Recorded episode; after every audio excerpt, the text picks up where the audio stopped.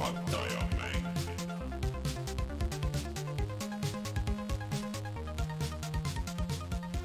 tere tulemast, on reede, kaheksateistkümnes oktoober aastal kaks tuhat üheksateist. Te kuulate saadet Puhata ja mängida, on aeg puhata ja mängida. minu nimi on Rein Soobel, minuga koos on siin täna väga huvitavad inimesed, üldse mitte need inimesed, kes tavaliselt on, sest et nii äh, Martin kui Rainer läksid puhkama, aga õnneks, õnneks meil on inimesi, kes, kes suudavad neid asendada, nii et, nii et me neid ei igatse tagasi siia üldse see oli päris julm, aga vaatame, kuidas läheb. kas mina olen asendus Rainer ja Toots on asendus Martin? ma mõtlesin vastupidi, okei okay..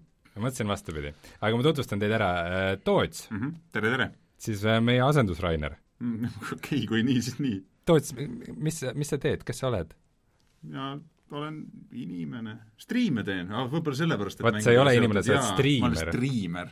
aga ei, mul on ikka päris töö ka, et ma ei tahaks ennast päris nagu striimeriks nimetada, aga ma striimin päris palju, jah. okei okay. Jah.. Toots käib meil siis iga aasta kuidagi niimoodi sattunud, et, et nagu üsna regulaarselt sa tuled sügiseti rääkima uuest NBA-st. No siis on ju, teil on ju teemad otsas lõpuks, kõik on suvega ära jahvatatud või mis. ei, tegelikult tuleb NBA välja igal sügisel, algab mm. uus hooaeg ja eks me räägime sellest täpsemalt, mis, mis, mis seal nagu on ja mis seal ei ole, aga, aga südame, südamelähedane teema see NBA. sa oled mingi listi ette võtnud, aga see on see mängud, mis sa oled mänginud viimasel ajal, või? jaa. ma võtsin sellega igaks juhuks, kui sa tahad siin mingeid mänge siin vaadata, siin siis on äh, üle viiekümne mängu, sa ei pea neist kõigist rääkima täna. ei, siin ei olegi kõigest, kui sa vaatad siin äh, kuupäevi, noh, mida loomulikult äh, audioversiooni kuulaja ei näe, aga siis siin on nagu läbi tehtud mingitel aegadel, et okei okay., Jörgen jaa mina ei ole Jörgen. Matsi äh,, äh, spordipsühholoog ja, ja MMA võistleja, aga mida, mida sa nüüd teed? ma nüüd äh, nõustan IT-valdkonnas inimesi. ma töötan Pipedrive'is, see on nagu seos IT-ilmaga. Aga- nõustad IT-maailmas inimesi? jaa äh,, mulle meeldib ikka öelda, et ma olen in-house psühholoog.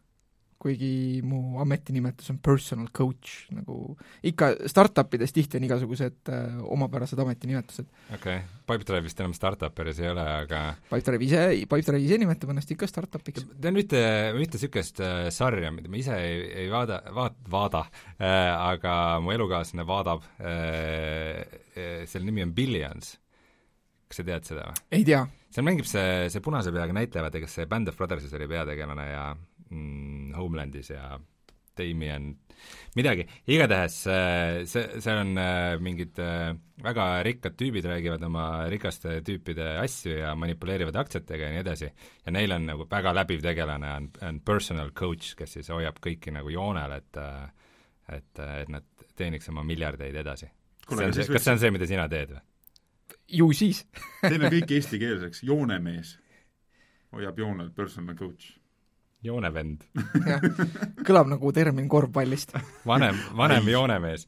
aga äh, aga ma olen kirjutanud mänguarvustusi ja mängin ja et ja olen Mängujoonemees. mängujoonemees. andsid Hearthstone'ile ühe punkti. jah, et äh, see on minu see, ma tegin seda enne, kui see oli lahe.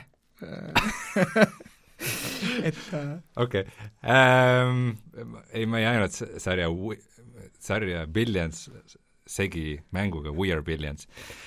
Aga meil on täna väga palju teemasid, millest me saame rääkida. põhiasi, kõige tähtsam uudis see nädalal äh, ja nagu mm, mängumaailmas, aga ka Eesti mängumaailmas on see, et tuli siis lõpuks välja mäng nimega Disco Elysium, Eesti mäng, vähemalt äh, peaasjalikult eestlaste poolt toodetud ja see on saanud juba väga häid arvustusi, väga suurtelt saitidelt nagu IGN ja PC Gamer, kes on andnud vist vastavalt siis üheksakümmend kuus ja üheksakümmend kaks punkti sajast, mis on ikkagi kõva sõna, ja, ja lööb ikka laineid äh, see mäng äh, väljamaal, nii et ähm, et väga tore, et see projekt valmis sai ja ma olen seda ka mänginud mõned tunnid, et äh, saame sellest täna natukene rääkida aga mm, sellest mängust siis tuleb ka meie Youtube'i välja video, kui nüüd kõik hästi läheb. ja eelmine nädal meie Youtube'i videoks oli Borderlands kolm. Te ei ole kumbki Borderlandsi mees? kolmandat ei ole veel mänginud, aga eelnevad osad on ikka läbi suutnud, kõik vist isegi jah, jah. Teist Täitsa mängisin, teist mängisin omajagu, aga, aga jätsin pooleli, ühel hetkel tüütasid need välja lendavad numbrid ära. mm.. isegi Deltali olen mänginud muideks Borderlandsi Tales of the Borderlands mm,. oli vist jah, selline asi, Deltali teemaline. Telltales of the Borderlands. Deltales. Äh, okei okay., igatahes sellest kolmandast on meie kanalil nüüd video olemas, kuna mulle need esimesed ei meeldinud äh,, kahtlemist ei mängidki, esimene ei, miskipärast kuna ta nagu oma mehaanikatelt peaks meenutama Diablot ja on ka shooter ja mulle shooterid ka meeldivad, siis ta justkui oleks pidanud mulle meeldima, aga ei meeldinud ja kolmas on vist nii, et kui eelmised ei meeldinud, siis ega vist see ka ei meeldi. tead, aga ma ütlen sulle ka, et ma ka nagu väga haibitud sellest ei ole, ma mäletan nagu seda tausta, et ta oli nagu esimene oli hästi-hästi äge, kui ta omal ajal välja tuli, eks ju, et ta oli midagi teistsugust, just need välja lendavad numbrid ja tuhat äh, erinevat relva ja kombinatsioonid nendest mm, Mhm. -hmm. ja siis sa lähed nagu selle rasva pealt neid järgmisi asju ka proovima, eks ju, aga siis nagu no ei ole seda üllatusmomenti enam nii suurt vähemalt. okay., et ta nagu noh, ei ole nagu haipet sellest, aga ta on korralik mäng. no et igatahes kõik kuulajad-vaatajad saavad oma otsuse teha, kui nad vaatavad meie Youtube'i videot äh,. Lisaks sellele on meil ka Patreon pat, pat, pat, Patreon. Ja seal tahaks eraldi välja tuua meie toetajad Taavi, Jüri, Feilissi ja ML Linuxi. ja täna me räägime lisaks Disco Elysiumile veel äh, mängudest nagu näiteks NBA kaks tuhat kakskümmend, Jörgen on mänginud Griftlandsi, mis mind väga huvitab, olles äh, Clay mängude fanatt või noh, eriti Don't Starve'i oma on välja tulnud üks väga suur äh,, üks, ütleme üks esimesi suuri VR-mänge nimega Asgard's Wrath ja ma olen, ma olen seda päris palju mänginud, olen omal äh, äh, sõrmi löönud korduvalt ära vastu igasuguseid kappe ja asju äh, väga kõvasti, valus oli äh,, sellest räägin ka äh,, sest et VR-mängudes peab ju vehkima Jorgen tahab täna jagada muljeid FTL-i laadse mängu kohta nimega Crying Sons aa jaa, ja üks suur uudis on veel see, et äh, Fortnite pandi kinni. ongi nüüd Mhm. mm, -hmm. et äh, läks musta auku ja enam ei ole ja sõltub muidugi, mis päev sul täna on juba. või siiski mm. -hmm.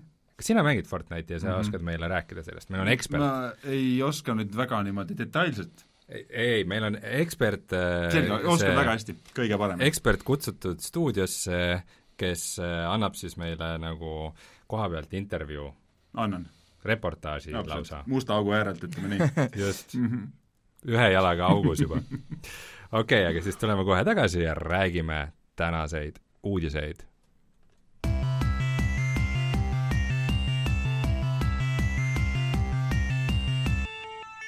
uudised.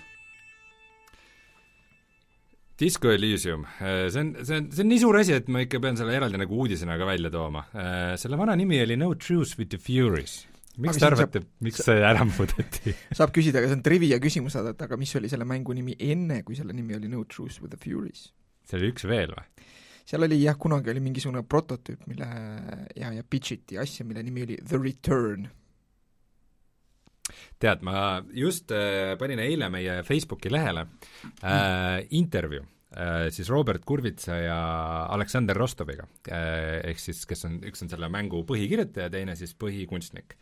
Nad käisid meil äh, saates külas juulis kaks tuhat kuusteist, ehk siis rohkem kui kolm aastat tagasi ja äh, siis nad rääkisid sellest projektist ja ma nüüd eile kuulasin üle selle intervjuu, seda on väga huvitav praegu kuulata äh, enamus, mis nad räägivad, et kõik need plaanid on ikkagi suhteliselt samad ja on nagu suhteliselt püsima jäänud, aga üks suur erinevus on see, et äh, nad rääkisid nagu sellest No Truth with the Furious'ist kui sellisest prototüüpist, et mis on niisugune nagu väikse skaalaga mäng, selleks, et pärast hakata teha, tegema suurt mängu, mille nimi on The Return. aga kuna nad tegid Aa. seda kõike nüüd nii kaua, Äh, siis, siis nüüd nagu mul tekibki see küsimus või mis ma tahaks nende käest küsida, kui ma nendega kuidagi kontakti saaks, et ähm, kas siis see, et nad tegid seda nii kaua, see tähendab, et nad said mingisuguse rahastuse äh, ja finantseeringu, et, et justkui see return ongi nüüd see Disco Elysium. Või on see ikkagi alles see väike jupp ja selline veel nagu see suur mäng alles tuleb, et äh, et, et mul on endal sisetunne ütleb pigem, et nagu see, et see Disco Elysium kasvaski nii suureks, et nüüd see nagu eraldi seda tegid ära. aga, aga see mäng on väljas olnud praegu alles kolm päeva, nii et nagu järgedest ja asjadest on võib-olla veel veidi vara rääkida. küll aga võib öelda seda, et äh, mäng siiamaani on võetud väga hästi vastu, väga paljud suured saidid ei ole veel arvustusi andnud, et ma ise kõige rohkem ootan Eurogeimeri oma, Eurogeimer on kindlasti sellest mängust teadlik, nad on midagi sellest kirjutanud, mingeid artikleid, aga aga arvustust veel üleval ei ole, aga näiteks jah, PC Gamer ja ja, ja IGN on siis need, mis ma enne ka mainisin, et IGN andis üheksakümmend kuus punkti, et see on ikkagi väga kõva. Ja ja ma täna räägin sellest, sellest mängust pikemalt, aga nagu põhimõtteliselt kes siis midagi ei tea selle kohta, et see tegu on siis niisuguse isomeetrilises vaates või noh, niimoodi peaaegu pealtvaates äh, rollimänguga, mis koosneb peamiselt rääkimisest, et sa lähed erinevate inimeste juurde ja räägid nendega, sa oled politseinik, kes äh, lahendab mõrva äh,, ütleme, et äh, mitte kõige stabiilsema äh, sisepsühholoogiaga äh, tegelane on see peategelane, ta, ta ei mäleta mitte midagi, sest et ta on alkohoolik ja ärkas nii ränga pohmakaga üles, et et ta ei tea isegi, mis ta nimi on äh,. Ja ma olen seda mänginud kuskil neli-viis tundi ja hiljem jagan oma muljeid. kas, kas te plaanite mängida seda mängu?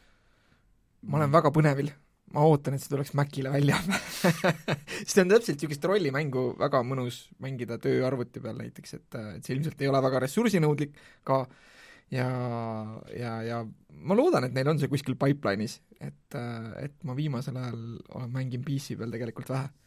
Sest et sul on, sul on vägev töö, töömäkk, millega mul on võimalik li-, jah, et, et see kas sul on veidi piinlik seda rääkides? ei, mitte väga, ma ei, ma ei hooli no, kõik ei kuula seda ju praegu ka ma olen pigem kusjuures mõelnud nagu ka, et, et kui peaks nagu mängimisest tegema mingi järgmise hüppe või et kui kunagi on selle jaoks rohkem aega, et siis nagu mõelda kohe nagu VR-i peale, et ma kuulan alati põnevusega, kui sa uutest seadmetest räägid, et ootan, et, et millal, millal nagu niisugune õige hetk on, et äh... Macist VR-i peale? ei nojah, et, et siis ostaks nagu sellise kas PC, mis on VR-i valmidusega või on ühel hetkel siis nagu stand-alone seadmed nii head, et neid on ka nagu äge kasutada. Et kas sa Oculus Questist oled kuulnud? ma olen kuulnud sellest, ma olen kuulnud, kui sina sellest räägid. reklaam. ei no selles mõttes, no Oculus Quest vaata teebki täpselt seda, et et sa saad osta selle kui stand-alone seadme ja, ja, ja hiljem novembris tuleb see Oculus Link, et siis sa saad seda kasutada mm -hmm. PC seadmena, et äh, et, et noh, selles mõttes perfektne, et nagu, et nii kaua saad mängida oma Beat Saberit nagu stand-alone'ina, kuni sa kunagi ostad omale hea mänguriarvuti ja siis saab sellest järsku arvuti VR-seade. Aga jah, ei hüppe minu plaanid ka, kus sa nüüd tõttad? otseselt plaanis ei ole, et kui nüüd kõrvale korra vaadata, siis siin on nagu list, mis on plaanis, valge eks ju, siia plaanida ei ole mahtunud, aga kunagi, kunagi ei tea, jah, need on asjad, mis ma ei ole kuna veel mänginud ja on plaanis nagu lähiajal. Okay.. see list täieneb kogu aeg ja kui ta siia listi tekib, siis ta tuleb kuidagi plaani ka, aga siin on hästi seinast seina neid asju. okei okay,, Arkham Knighti pole vaja mängida. Okei. okay Far Cry Primali võid ka ära kustutada siit Hellblade, äh, no mängi pool tundi, siis saad aru, et see pole midagi nii head ah,. Metro Exodus, no ilus graafika, aga mäng on ikka okei. aga jah, Disco Elysiumist ma räägin hiljem pikemalt, aga, aga, aga ühesõnaga jah, see on ikkagi väga kõva sõna, et, et, et see väljas on ja et see on saanud niisuguse kajastuse, nagu ta on saanud aga räägime siis äh, teisest kõvast sõnast, mis on see, et äh, Fortnite äh, pandi kinni mm, -hmm. mis põhimõtteliselt, nagu ma aru saan, siis oli niimoodi, et sa tahtsid nagu äh, sisse logida, läksid nagu, panid Fortnite'i käima see algas natuke varem. siis sa nägid mingit errorit ja siis see kogu ekraan hakkas glitch ima ja mm -hmm. värk ja siis tekkis kuhugi taha, taha suur must auk ja kõik sinu nupud ja tegelased ja kõik asjad imeti sinna suurde musta auku ja oli lihtsalt mustus ja see mustus kestis kui kaua no,? mitu, päeva? paar päeva, aga sellel oli natuke niisugune eelnev lugu, et, et kui sa logisid sisse, siis ühesõnaga korraldati, kas see oli pühapäeva õhtul, läinud lõppenud nädala pühapäeva õhtu vist oli see õige kuupäev, äh, kui korraldati siis event, ehk siis niisugune sündmus, kus sa said mängu sisse minna, logida ja vaadata, kuidas seal raketid hakkasid lendama, kuidas meteoor sealt alla prantsatas ja siis äh, lendas siis sinna Loot Lake'is olevasse, üks koht siis oli, kus oli niisugune muna, mis te-, mille kaudu oli võimalik siis äh, teleportida, lendas sinna sisse Aha. ja siis kõik äh, mängijad, kes sel ajal mängus sees oli, lendasid sellest äh, saarest eemale ja, ja lõpuks siis imeti sinna musta auku sisse, see oli siis juhul, kui sa olid event'is sees.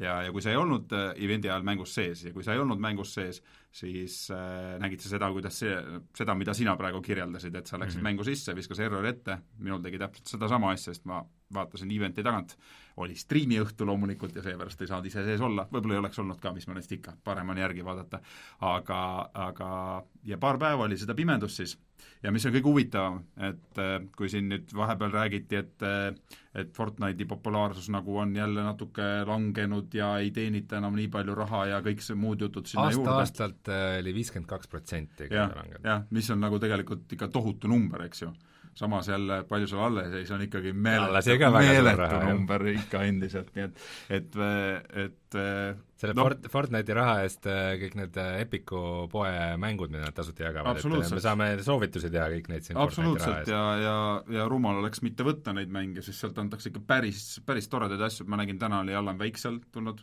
ja. näiteks aga saate lõpus ma soovitan. jaa, okei okay,, siis jääb see saate lõpuks. juba spoilin ära, et jaa, väga ei viitsinud otsida et, et Epiku pood ja jah, et võtke sealt, iga nädal saate midagi. nii, aga nüüd, kui Fortnite oli siis täiesti nagu offline põhimõtteliselt mm -hmm. nagu kaks päeva mm, -hmm. mis on nagu iseenesest nagu väga julge see on, see on nagu äge, see on minu meelest väga äge, et nad seda niiviisi tegid. spekulatsioonid, kas see on PR-trikk või midagi, kas peeti konkreetselt, mina ütlen, et pigem PR-trikk, et see on nagu nii julge ja nii tubli ettevõtmine nende poolt, et äh, ma jul-, jul, julge arvata, et keegi teine võiks niimoodi nagu seda endale lubada või. nii, aga kui Fortnite tagasi tuli, mis siis, mis siis juhtus?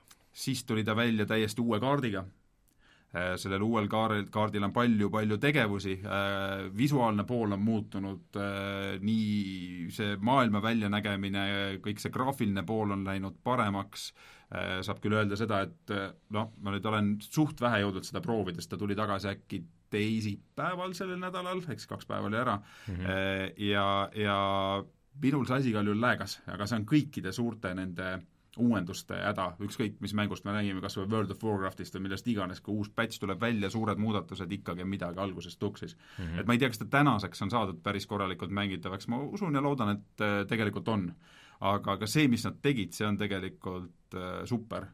ja okay. tegelikult sai alguse siis niinimetatud chapter kaks, kui ennem olid season'id, niisugused kahe poole äh, kuused hooajad, siis nüüd tuli välja põhimõtteliselt no ikka väga suur uuendus, no nagu Windows, eks ju, ei tee enam uut Windowsi, ei tule Windows üksteist välja, vaid tuleb Windows kümme suure uuendusega jälle, muudetakse midagi kardinaalselt ümber, Fortnite tegi umbes midagi sama mm, -hmm. eks, et nüüd on uus kaart äh, ja uued tegevused jälle äh, ja inimestel on põnev, tundub.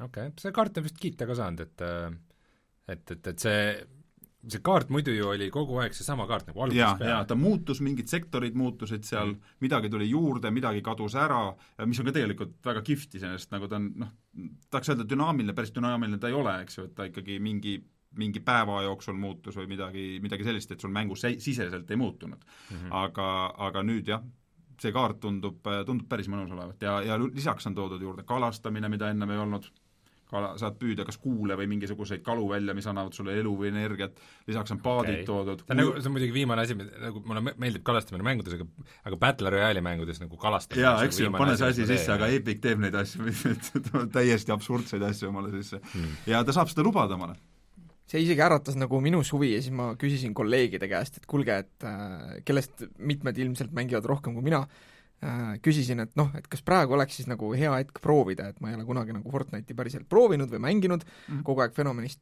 teadlik olnud ja konsensus oli, et ei, ära tee seda. no miks? et mängi PUBG-d, kui tahad, või midagi, no kuigi tegelikult jah, mõni inimene ütles, et kui, äh, kui sa nagu, äh, kui sa tahad midagi sellist kiiret ja, ja vilkuvat, aga, aga üldiselt öeldi, et kas või et mängi Apex Legendsit või Apex on kindlasti hea, ma, kui juba siit nagu valida, siis pigem Apex, aga see on nagu personaalne. see on muidugi naljakas, et, et Apexil ju tuli ka nüüd uus kaart just nädal tagasi ja, ja mõlemad nagu võtsid täpselt sama lähenemise, et mm. nagu vana kaart ei ole, on ainult uus, samal ajal PUBG-l on juba mingi neli või viis kaarti vist mm -hmm. või midagi aastate jooksul tekkinud ma ei tea, põnev, hoiavad asja huvitavana. kas see on tegelikult see, et mis sul siis meeldib, kui sa tahad niisugust kartuunigraafikat äh, ja, ja lisaks tulistamisele ka ehitamist, siis on Fortnite ju tegelikult see, millel ei ole nagu kõrval midagi, kui sa tahad hästi midagi realistlikku, see on PUBG pigem mm, -hmm. ja kui sa tahad äh, sellist niisugust äh, vahepealset ja, ja niisugust äh, Titanfalli sarnast liikumist ja, ja kõike muud seda, siis on Apex, nii et ma arvan, et kõikidel on midagi valida, nii et siin ei olegi mõtet nagu kakelda, noh, niikaua kui vähemalt meetris oleme. Noh, mulle meeldib see lihtsalt kultuurilise fenomenina, ma järg, jälgin, mis seal toimub ja mm, -hmm. ja, ja loen neid kõiki lugusid nendest äh, noortest, kes väidetavalt on hukka läinud ja mm. ja noored on iga, iga põlvkonna selle, selle teemaga ennast kursis. jah, ja Lady Gaga tuleb võib-olla, aga noh, see selleks.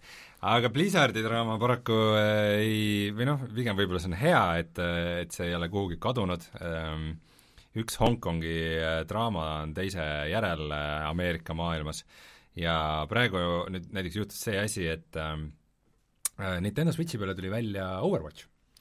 Ja sellele pidi tulema suur avaüritus New Yorgis, kus sai tulla ja proovida ja mängida ja kohtuda umbes häälnäitlejatega, igasuguseid asju teha, ja siis jäeti ära. Mm..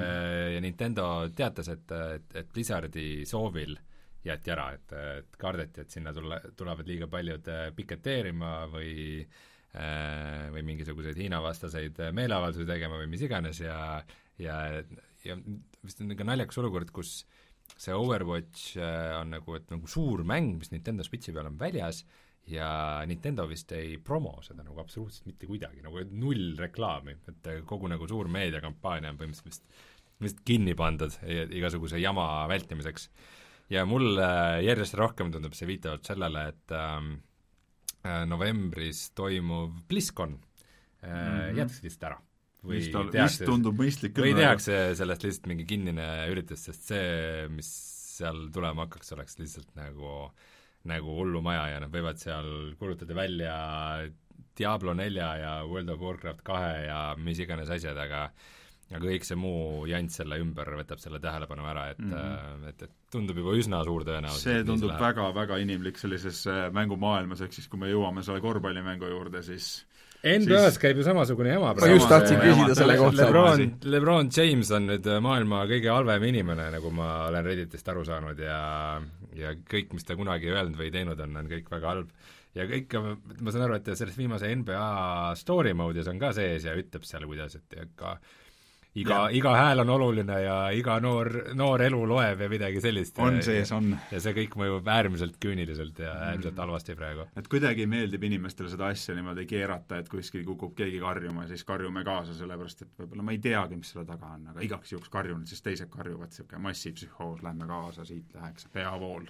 nii, aga sellest äh, NBA story mode'ist sa meile ka hiljem räägid? põgusalt ilmselt küll, jah. okei okay aga täna meil on ka mitmeid kurbi uudiseid äh, nii edasilükkamiste kui ka kinnipanekute osas, et äh, järgmisel aastal tuleb äh, Vampire the Masquerade'i uus mäng nimega Blood, Bloodlines kaks ja see lükatakse edasi.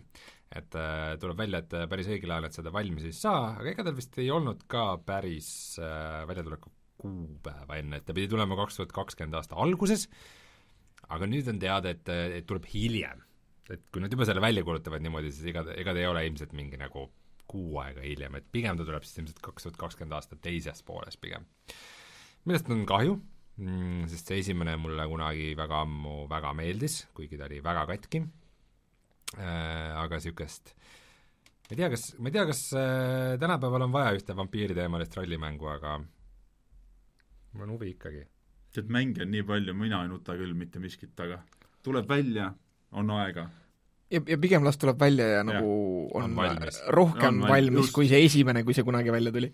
aga asi, mis tõenäoliselt ei tulegi välja või noh, väga kahtlased asjad on sellega, on praegu niisugune mäng nagu Divinity Fallen Heroes, mis põhimõtteliselt, kui te teate rollimängu Divinity mm, -hmm. mida nüüd siis tuli kaks osa ja mis on päris hästi vastu võetud, äh, ka niisugused isomeetrilised pealtvaatusrollimängud, Äh, siis äh, sellele kuulutati välja niisugune nagu lisaosa või vaheosa mm, nimega Fallen Heroes, mis on justkui nagu, et äh, needsamad selle Divinity fantaasiamaailma tegelased, aga niisugune X-komi laadne nagu taktikaline mäng rohkem, et äh, seal treiler oli kohutav kunagi, kui see välja kuulutati, mõtlesin, et kes peaks tahtma niisugust mängu mängima, kuigi mulle Divinity nagu meeldis, ja nüüd siis äh, Larry on selle arendaja, ütles, et äh, et me siin teeme seda Baldur's Gate kolme ja nagu see teine stuudio, kes meil teeb seda asja, et need tahaks ka nagu rohkem oma asja teha ja nagu kuidagi ei läinud hästi ja panime seisma ja vaatame, et mis saab. et ähm, põhimõtteliselt niisugune mäng, mis keegi ei taha seda mängida keegi ei taha seda teha mõtlesin, et mis seal ikka, et mis me siis sellest rohkem räägime ka praegu mida, mida me siin punnitame, et äh, see, seda ei tule. huvitav, et sa sellest isegi rääkida tahtsid. ei, mul on hea meel, et seda ei tule. selles mõttes, see oli täpselt niisugune, miks te seda teete, tehke oma Baldur's Gate kolme ja siis ise üks mida te uudistes ei käsitlenud, mina väga ootasin sügisel juba Phoenix Pointi, aga see lükati edasi juba ka mingi Phoenix Point ka mingi X-komi laadne? see on äh, jah, siis X-komi, esimese X-komi nagu looja X-komi kloon okay.. mis äh, mis, kus on igasugused lahedad nagu feature'id, et seal on äh, nagu kehaosade targeting ja kuidagi see kuulide füüsika on nagu rea-, et selles mõttes seal on reaalne nagu ballistika äh,, mitte mm. ei ole nagu tõenäosused ette ära arvutatud nagu X-komis ja et, et see nagu ei tähenda iseenesest midagi, vaid et on äh, praegu lihtsalt tuli meelde X-kom kahe need tõenäosused, ma tahaks rusikat raputada oh,. jah, see on, see on põhjus, miks mul X-kom, mul X-kom üks väga meeldis, aga miks X-kom kaks pooleli jäi. täpselt mul... sama. X-kom üks väga meeldis, X-kom kaks jäi pooleli ja äh, mul vahepeal on ilge tahtmine mängida midagi X-komi laadset mm. ja nagu niisuguseid väiksemaid X-komi laadseid mänge on vist tulnud nagu viimasel ajal päris Näed, palju. siin on üks alates Mario Rabbidsist kus ja ta mul siin on pakkuda? mis, mis sul siin on? las ma nüüd vaatan täitsa lihtsalt ah, see Mutant, Mutant Year Zero võiks nagu olla võib-olla teema. ma ei ole ise seda seda ju Martin mis mängis Epiku poes isegi tasuta vahepeal, ma vist, ma vist ei olnud. äkki oli isegi muidu mul, või oli küll, sul on õigus, sul on õigus. mul on see isegi olemas, aga ma ei ole seda käima pannud. no vot, näed, X-kom kas ta oli, see oli, et tal tuli hästi kiiresti mingi lisapakk? jah, et seda lisapakki saab osta ostma vist, jah? ja, ja baasmäng oli tasuta. Martin rääkis sellest ja Martin kiitis seda, aga aga ma saan aru, et seal mingid väiksed viperused olid, miks ta ikkagi nagu nagu, nagu liiga heaks mänguks ei saanud, et ütleme, et nagu neid X-komi laadseid mänge on, mõned on ilmselt okeid, aga niisugust nagu defineerivat sellist oh, vot no, seda ma mängin mul oli ootus asemel. selle Phoenix Pointi suhtes, see pidi tulema kas augusti lõpus või septembri alguses, aga mm. see millalgi juunis-juulis lükati edasi okay.. et, et see on üks väheseid asju, ma tegin sellele pre-order'i, siis ma ootan seda okay.. võib-olla tulen kunagi rääkima. sa oled see inimene, kes teeb pre-order'eid? ma üldiselt, ma üldiselt ei ole see inimene, aga selle puhul ma tegin. okei okay. mm., ma välistaks ka ühe mängu, seesama Mba, mida ma võiksin pre-order'it nagunii tuleb osta. nagunii tuleb mis sa teed? ei ole parata mm põhjendan hiljem Eesti mänge võite preorderit teha äh,. Aga viimane kurb uudis on see, et Google Daydream pandi kinni. kas te olete kurvad? Äh, kindlasti, kui sa räägid, miks me peaks olema. kas te teate, mis asi on Google Daydream mina ei tea, mis on Google Daydream. ei tea, hea oleks, kui sa nüüd seletaks just. jaa, okei okay,, ma seletan. Äh, ja ma ei süüdista teid absoluutselt, et ei tea, nimelt äh, süüdista ikka. kui te, kui tuli välja siis Samsung Gear VR, ehk siis see Samsungi VR peaseade, eh, kuhu sa paned telefoni sisse ja hurraa, ongi VR, siis eh, Google tuli varsti oma oma vast-, vastega sellest äh, Ai, välja. Google Cardboard. Google'il oli Cardboard ka, mis on vist siiamaani ikkagi suht niisugune populaarne platvorm, noh, sest ta ei pea alati papist olema, sa võid ükskõik mis mingisuguse plastikasja sisse või mingi mingi uhke plastikust äh, luksuskarbi sisse ka oma telefoni panna, et see ei pea olema lihtsalt papist aga neil oli ka oma niisugune nagu päris VR-platvorm nimega Google Daydream ja sinna äh, sinna siis käisid äh, need mingid pikslitelefonid ja et see oli ikka nagu õige VR, et et kuigi ta oli ilma väliste sensoriteta, et sa ruumis ei saanud liikuda, aga ikkagi, et nagu et telefon sai aru, kui ta seal sees on ja siis sa nägid nagu eraldi storefront'i ja kolmsada kuuskümmend kraadi YouTube'i ja kõike seda. ja nad tegid seda kõike väga kehvasti, minu meelest see, minu meelest see isegi ei tulnud Euroopasse müügile reaalselt. Eestis nagu reaalselt ei olnud võimalik seda osta mm.. tahtsin, tahtsin seda lihtsalt proovida, seda ei või, olnud nagu reaalselt võimalik mm. osta. et äh, nagu ikka Google teeb oma asjadega, et äh, toome selle välja hästi piiratult, hästi nagu kehvasti, ärme toeta seda ja siis üks hetk ütleme, et äh, oi, see ei läinud tööle, kasutajatele mm -hmm. ei meeldinud äh,, me nüüd paneme selle kinni. ja siis see läheb sinna sellesse äh, mingisugust Mount Everesti meenutavasse Google'i surnuaeda Äh, kuhu nad kuhjavad kõik oma, kõik oma head ideed, mis nad on ära ostnud ja kellegi teisele ei lase teha. ja miks see nagu, see muidu ei olegi võib-olla nii, nii oluline, et nagu noh, Samsung Gear VR nüüd ka hiljuti kuulutati surnuks, et mm. põhimõtteliselt tuleb välja, et inimesed ikkagi ei taha oma telefoni panna nagu VR-seadmetesse. ega ei taha ju. Neil on telefoni vaja ja telefonil on aku tühi ja mälu täis ja sinna ei saa uusi VR-asju peale panna, et nad palju parema meelega ostavad nagu eraldi VR-seadmed, ahah, see on mu telefon, see on mu VR-seade, nüüd ma saan aru asjadest. aga miks on praegu oluline, on see, et kohe tuleb välja Google Stadia. ja see, kas ikka tuleb? see, et nad eh, ikkagi nii rõõmsasti neid asju kinni panevad ja nii kehvasti neid toetavad ja ja et nad seda kõigile meelde tuletavad et just nii need asjad käivad Google'is mm. -hmm. vahetult enne staadio väljatulekut, on nagu on ikka väga, väga har-, halb asi ja väga kurb asi, et äh, kas te hakkate kasutama Google staadiot?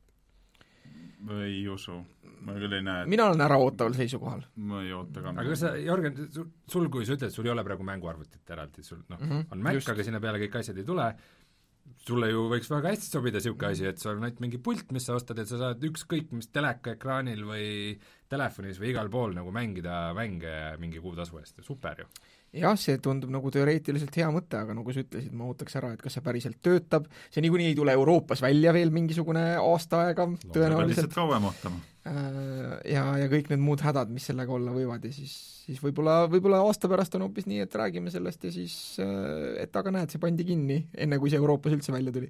aga Red Dead Redemption kaks on selle launch'i mäng, saaksid ilma arvutit ostmata mm mängida hmm., mängida omal, ma ei tea, mingi nutiteleka või kas või telefoni või läpaka ekraani taga. sa võiksid mängida telefonis mängida Red Dead Redemption kahte, kõlab hästi. see on võimalik. mis kvaliteeti see sulle annab? ta noh, see jooksma, teoreetiliselt peaks see jooksma ta normaalselt. ta on väga, ta on nagu põhimõtteliselt nagu ja. vist pidi olema poole kiirem kui mingi PlayStation neli või? nagu et poole võimsam virtuaalne masin, kust seda striimitakse sulle.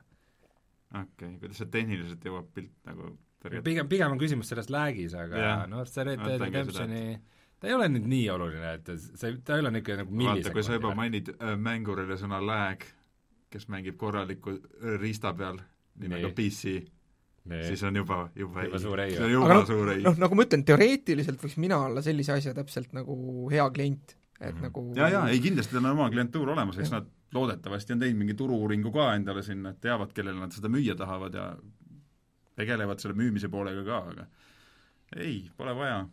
no kõige nukram asi muidugi selle kõige juures on see, et, et sa pead need mängud ka ostma, et sa maksad kuutasu ja lisaks sellele sa pead, sa, ühesõnaga, sa tahad mängida selle Red Dead Redemption kahte, siis sa maksad kõigepealt viisteist daala kuutasu ja siis sa pead reaalselt nagu maksma veel kuuskümmend daala selle mängu enda eest, et äh, see juba teeb vähem atraktiivseks selle kõik sest et kui nad selle poole aasta pärast kinni panevad, siis ka suudad mängust ka ilma jääda.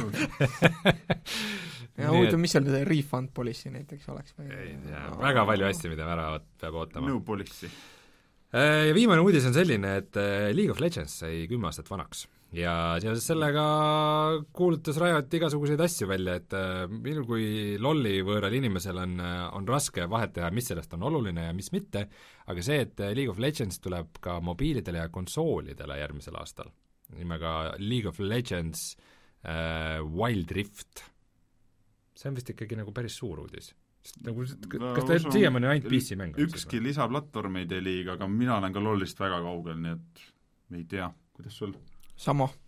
väga hea, hästi, hea uudis. okei okay., me oleme väga rõõmsad ja igasugused äh, animatsioonid ja dokumentaalid ja spin-offid ja kaardimängud ja igasugused äh, muud asjad kuulutati ka sellega seoses välja, aga ma igaks juhuks neist väga detailselt ei räägi, sest et äh, ma tean, et ma panen siis millegagi puusse. Aga tuleme kohe tagasi ja räägime mängudest.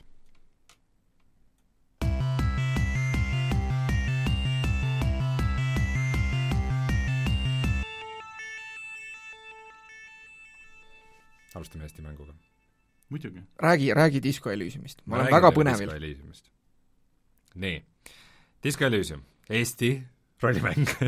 Saum stuudio tehtud, päris kõik nad vist ise ei rõhu sellele Eestile enam väga, et nad ega vist jah, et mingi hetk kolisid äh, Londonisse mingi osaga ja ja ma, noh, ma ei tea, ma, ma tunnen palju inimesi, kes on selle projektiga seotud, aga aga ma ei, ei ole ikkagi nii hästi kursis, et, et, et kui suur osa sellest on nagu Eestis ja kui suur osa sellest on Londonis ja kus on need juhtivfiguurid ja ja kus on Kaur Kender ja kes iganes. aga ma, ma, ma, mida ma oskan kommenteerida, on mäng ise.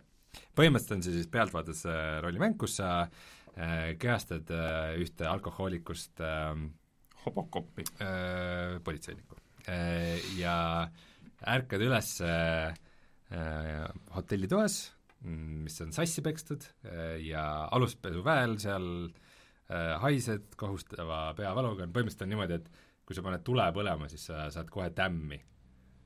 Ja arvestades, mul on näiteks kaks elupunkti, siis ma nagu panin tule põlema ja kaotasin pooled oma eludest et, et nii halb pohmell on ühesõnaga. ja tal on täielik mälukaotus, ta ei tea, mis ta nimi on, ta ei tea, mis ta teeb, nagu äh, kuidagi ta tuletab, et ta, ta on, et ta on politseinik ja siis ta läheb tööle. teeb ja siis ta läheb tööle ja kui, kui ta läheb allakorrusele, siis kõigepealt ta saab muidugi palju, palju sõimata, et ta eelmisel õhtul seal kõik äh, sassi keeras ja kodus siis, jõi siis järelikult või? noh, see hotell, kus ta ööbis, et ah, seal, seal okay, paneb nagu pidu ka okay. ja, ja siis äh, ja siis tuleb üks kolleeg, kes siis ütleb, et noh, et tegeleme siis ka selle juhtumiga, mis, mis pooleli on.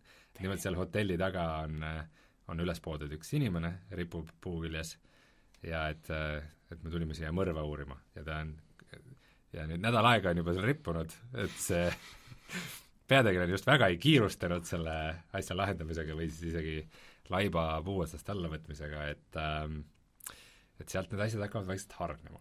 aga mis on nagu huvitav, on see, et, et see maailm, ta on natuke raske öelda, mis ajastus ta on, pigem ma ütleks, et ta on niisugune nagu lähiminevik äh, ja ta on niisugune veidikene niisugune see mm, kas nüüd steampunki või niisuguse diiselpunk, diiselpunki niisuguse äh,, niisuguse stiiliga võib-olla jah, et et niisugune veidikene teistmoodi, veidikene nagu alternatiivne stiliseeritud äh, maailm. Ja, ja see, see nagu konflikt, millesse tundub, et äh, siis peategelane satub, on see, et äh, et kohalikud siis ähm, siis äh, sadamatöölised äh, mässavad äh, siis selle, selle ettevõtte vastu, kes seda sadamat omab ja, ja neil on seal suured tülid ja mingid ametiühingud ja mässud ja niisugune veidikene nagu poliitiline on kogu see olukord, mis tundub, et nagu pikas perspektiivis sunnib siis mängijat võtma ka mingisuguse poliitilise seisukoha kogu selle, kogu selle asja suhtes. ja no peamiselt, mis sa teed selles mängus, on see, et sa loed teksti.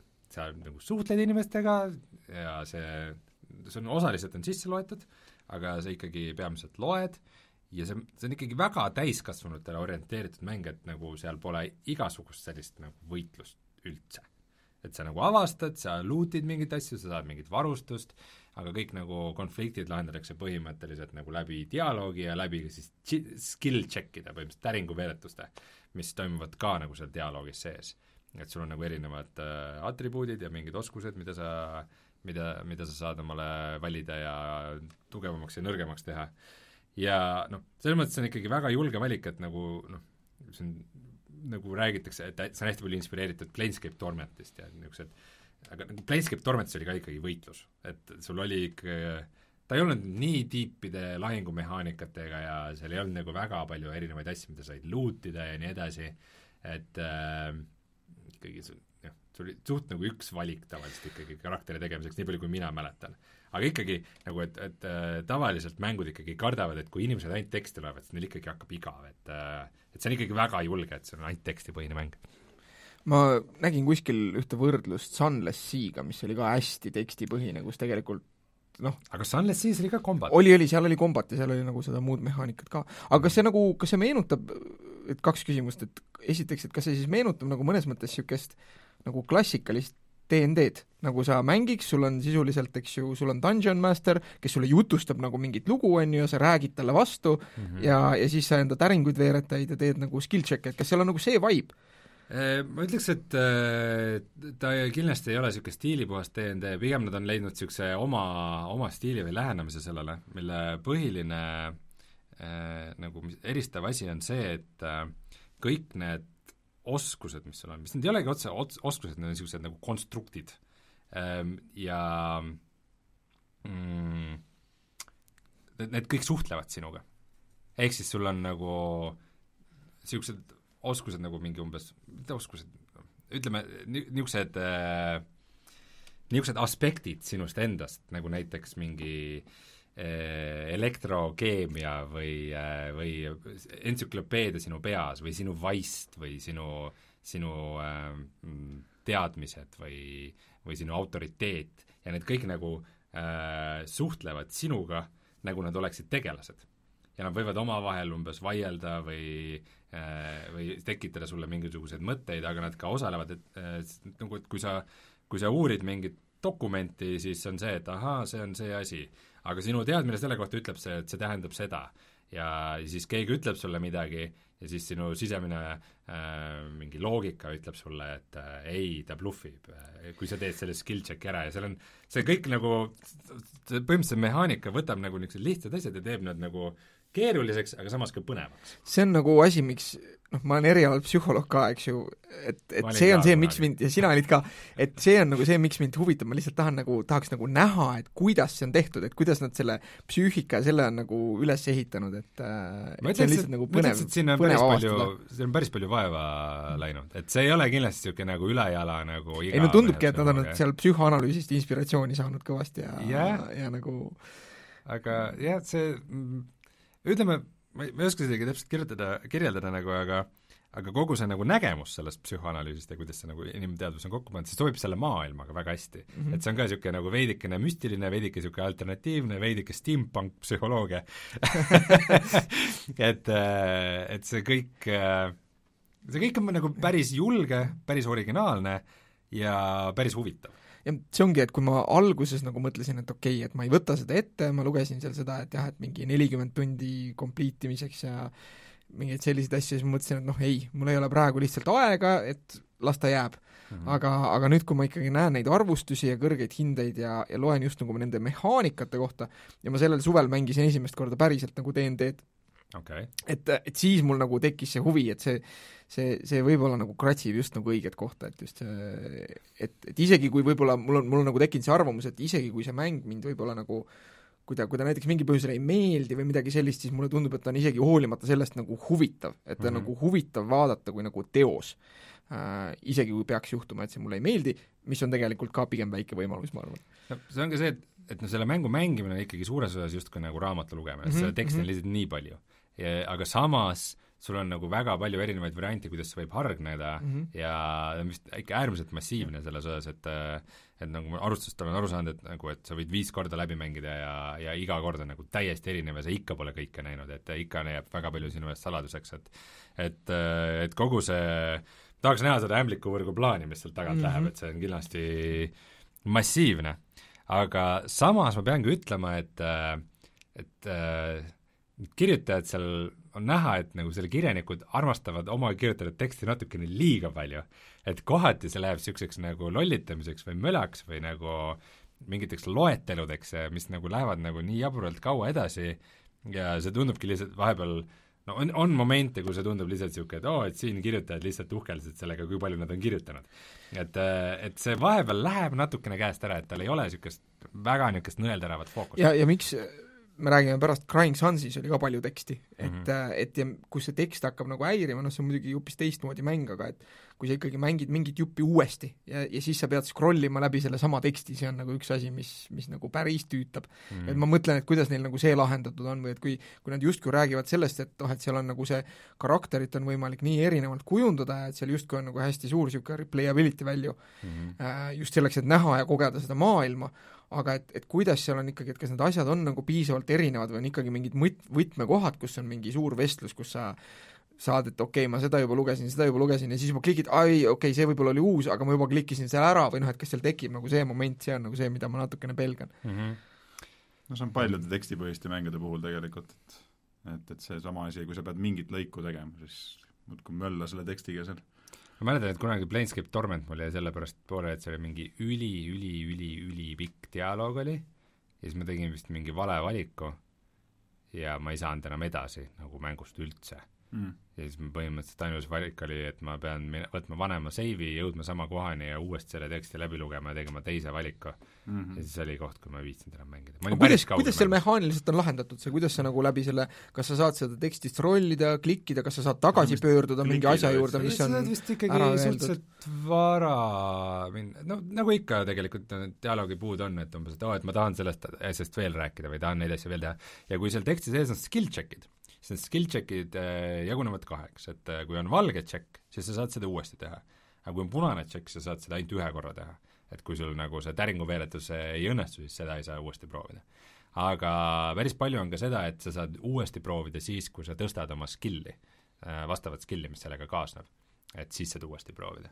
aga mis tähendab juba, et mul on äh, tuleb välja, et äh, põhimõtteliselt kaardi logis on kirjas need asjad ka, et ma mõtlesin, mul on mingi kakskümmend asja mm, -hmm. Kuhu ma saaks tagasi pöörduda, kui minu skill oleks veidike kõrgem, et äh, nagu kõiki skill'e ma küll ilmselt arendama ei hakka, et noh, et ongi, et sa pead nagu läbi oma selle tegelase arendamise, et kuhu sa skill'e juurde paned äh,, siis sa pead nagu tegemagi valiku, et kuidas see lugu sinu jaoks kulgeb läbi selle. aga üks mehaanika on veel, on nimelt äh, äh, mõttekoda või, thought cabinet, et äh, kus sul tekivad mingisugused mõtted ja siis sul on valik need mõtted enda jaoks lahti mõelda. ja sel ajal, kui sa mõtled nende peale, mis noh, kestab tunde, et äh, mängusiseselt, et siis äh,, siis sa saad mingisuguse nagu trahvi äh, mingile skill'ile, et noh, et su loogika ei ole sel ajal nii terav või tähelepanu hajub või, midagi niisugust. aga et äh,, aga läbi selle siis sa saad mingisuguse, mingisuguse boonuse või mingisuguse võime, kui sul see mõte olemas on, mis on väga veider ja huvitav mehaanika, mis tundub selle mängu kontekstis väga hästi töötav. ja teine oluliselt lühem küsimus, kas sa püksid ikka panid jalga? ma panin püksid jalga, miks? Äh, andis, andis skill'i andis juurde? andsid boonust ja, ja enesekindlust vist andsid äkki või? ja leidsin mõlemad jalatsid üles, mis on üks esimesi, see on ka lahe, et nagu sa teed, ongi umbes, et jaa, et umbes, et sa leiad alguses toast ühe sussi ja siis pärast kuskilt rõdult leiad teise ja siis on see, et salajane ülesanne täidetud. et, et see on nagu äge, et äh, mingid asjad on, et sul on mingid ülesanded, mida sa ei näe enne, kui sa oled need ära teinud et voh, nüüd sa tegid ära, nüüd mm, -hmm. nüüd oled õige mees, sest loomulikult sul on mõlemat sussi vaja nagu. et, et see, selliseid vahvaid asju on seal. aga on ka asju, mis mind tegelikult häirivad selle mängu juures, et äh, kõige suurem puudujääk on minu meelest äh, heli. see mm, Disco Elysiumi helikujundus äh, ma ütleks, et ta on kas niisugune nagu okei okay või isegi kohati nagu päris halb. Ähm, versus graafiline stiil, mis on nagu fenomenaalselt hea, et noh, et kui eestlased räägivad, et teevad mängu, siis nad tavaliselt ikka nagu e-, esimene eeldus on see, et nad üritavad jäljendada kedagi teist. niisugune graafiline stiil, nagu Disco Elysiumil on, ma pole seda mitte kusagil mujal näinud. Ja see näeb tõesti välja nagu niisugune et, et kui sa näed ainult pilti sellest, see tundubki nagu maalitud pilt, ta näeb välja nagu, nagu mingi concept art või või niisugune nagu vaba käega joonistatud asi, aga siis see liigub ja ta on 3D-s ja nagu varjud nagu tekivad realistlikult äh, nende seinatekstuuride peal ja see on niisugune vau wow,, et mulle see, mulle see graafiline stiil väga meeldib, see on jõhkralt ilus ja väga unikaalne. aga see heli, see heli ei, ei ole üldse nii rikkalik, nagu võiks arvata, et äh, sellise nagu visuaalse stiiliga kokku läheb ja just kuna nagu ütleme, et sa oledki siin mingisuguses kohvikus, nagu Toots just pildi ette pani äh, sealt alguse kohvikust ja, ja selle nagu, see helitaust on nii tühi ja nii igav, et kui sa kellegiga pool tundi seal juttu räägid, siis sul seesama luup kogu aeg ketrab ja siis nagu põhimõtteliselt on niisugune tunne, nagu, nagu mängiks täisvaikuses seda ja nagu see tapab seda atmosfääri veidikene ja kas on tunda olnud ka seda, nagu seal osa on, eks ju, voice-over'iga, mingid elemendid on, on ju sageli on see, et kui sa hakkad kellegagi rääkima, siis nagu esimesed laused on voice-over'iga mm -hmm. nagu sisse loetud, aga siis see, edasi on nagu teksti seal pidi olema mingit helikvaliteedi kõikumist, et nad pidid mingit stuudiot vahetama või mingi, mingi teema oli sellega. jõhkralt, et pool ikka kõlab niimoodi, nagu nad ikka suvalises kapis loetud mm -hmm. ja mhm. ma saan aru, et üks aga hääl näitlemine iseenesest, et kui need noh ma saan aru, et see Londonis see, selle Xiaomi stuudio kolimise üks point oligi see, et, et ingliskeelseid häälnäitlejaid sealt äh, koha pealt võtta. ja minu meelest see on ikka nagu suht amatöörlus, mis seal toimub, et no okei okay,, mm. neid näitlejaid on seal palju, et, äh, et noh, paljud nagu hääled nagu toimivad või annavad nagu seda nagu mõtet või emotsiooni nagu veidikene edasi, aga nagu noh, professionaalsest häälnäitlemisest ikka on asi suhteliselt kaugel, et et ähm, häälnäitlemine paraku ka no ütleme, mängus sees ta ei ole nii halb kui treilerites, sest et ma ei tea, kes selle mängu neid marketingi treilereid teeb, aga need on ikka nagu kohutavad. Ja aga noh, see mängusisene ähm, häälnäitlemine nagu heal juhul ajab asja ära äh,, aga, aga kohati on ikkagi nagu ikka halb. et, et pigem siis, kui mõelda nii, et mulle raamatud ka üldiselt meeldivad, et paneks pigem mingi meeleolumuusika taustale vaikselt tiksuma ja siis võtakski seda nagu ainult graafilise teosena, et et Spotify'st, et keegi, keegi, et võib-olla kuulajad või keegi hakkab juba tegema niisugust, niisugust viiekümnendate ja sellise vibe'iga nagu mingit Spotify playlist'i, et äh, et mida, mida siis taustaks kuulata ja siis Ai. nagu lihtsalt lugeda seda sealt. tead, võib-olla, selles mõttes see tundub nagu viimane mäng, mille ajal mingit muud mussi kuulata, on ju, aga aga see ütleme, ütleme see helitaust, ta lõppkokkuvõttes ikkagi ajab nagu asja ära, aga ta ajab selle ära kehvasti mis see eestlaste tehtud see pikselgraafikaga mäng on? Top Teleglitch. Teleglitch, näiteks Teleglitchi mina mängisin nii, et ma panin kaheksapitise või kuueteistpitise muusika ise taha tiksuma ja jumala hästi sobis sinna, et sellest ma tundsin Teleglitchist nagu väga puudust, et kas seal üldse mingit muusikat ei, seal ei olnud, seal olid ainult äh, sound'i failid ja kogu lugu ja, ja ei okay. mingit muusikat ja see oli täpselt nagu see kõige suurem miinus selles mängus näiteks minu jaoks. nojah, selles mõttes noh, heli tähtsust ei tasu kunagi alahinnata, et noh, selles mõttes nad on kindlasti teinud nagu mingi hetk valiku, et nad ei investeeri helisse nii palju kui näiteks graafikasse või, või teksti selles mängus, eks, ilmselgelt.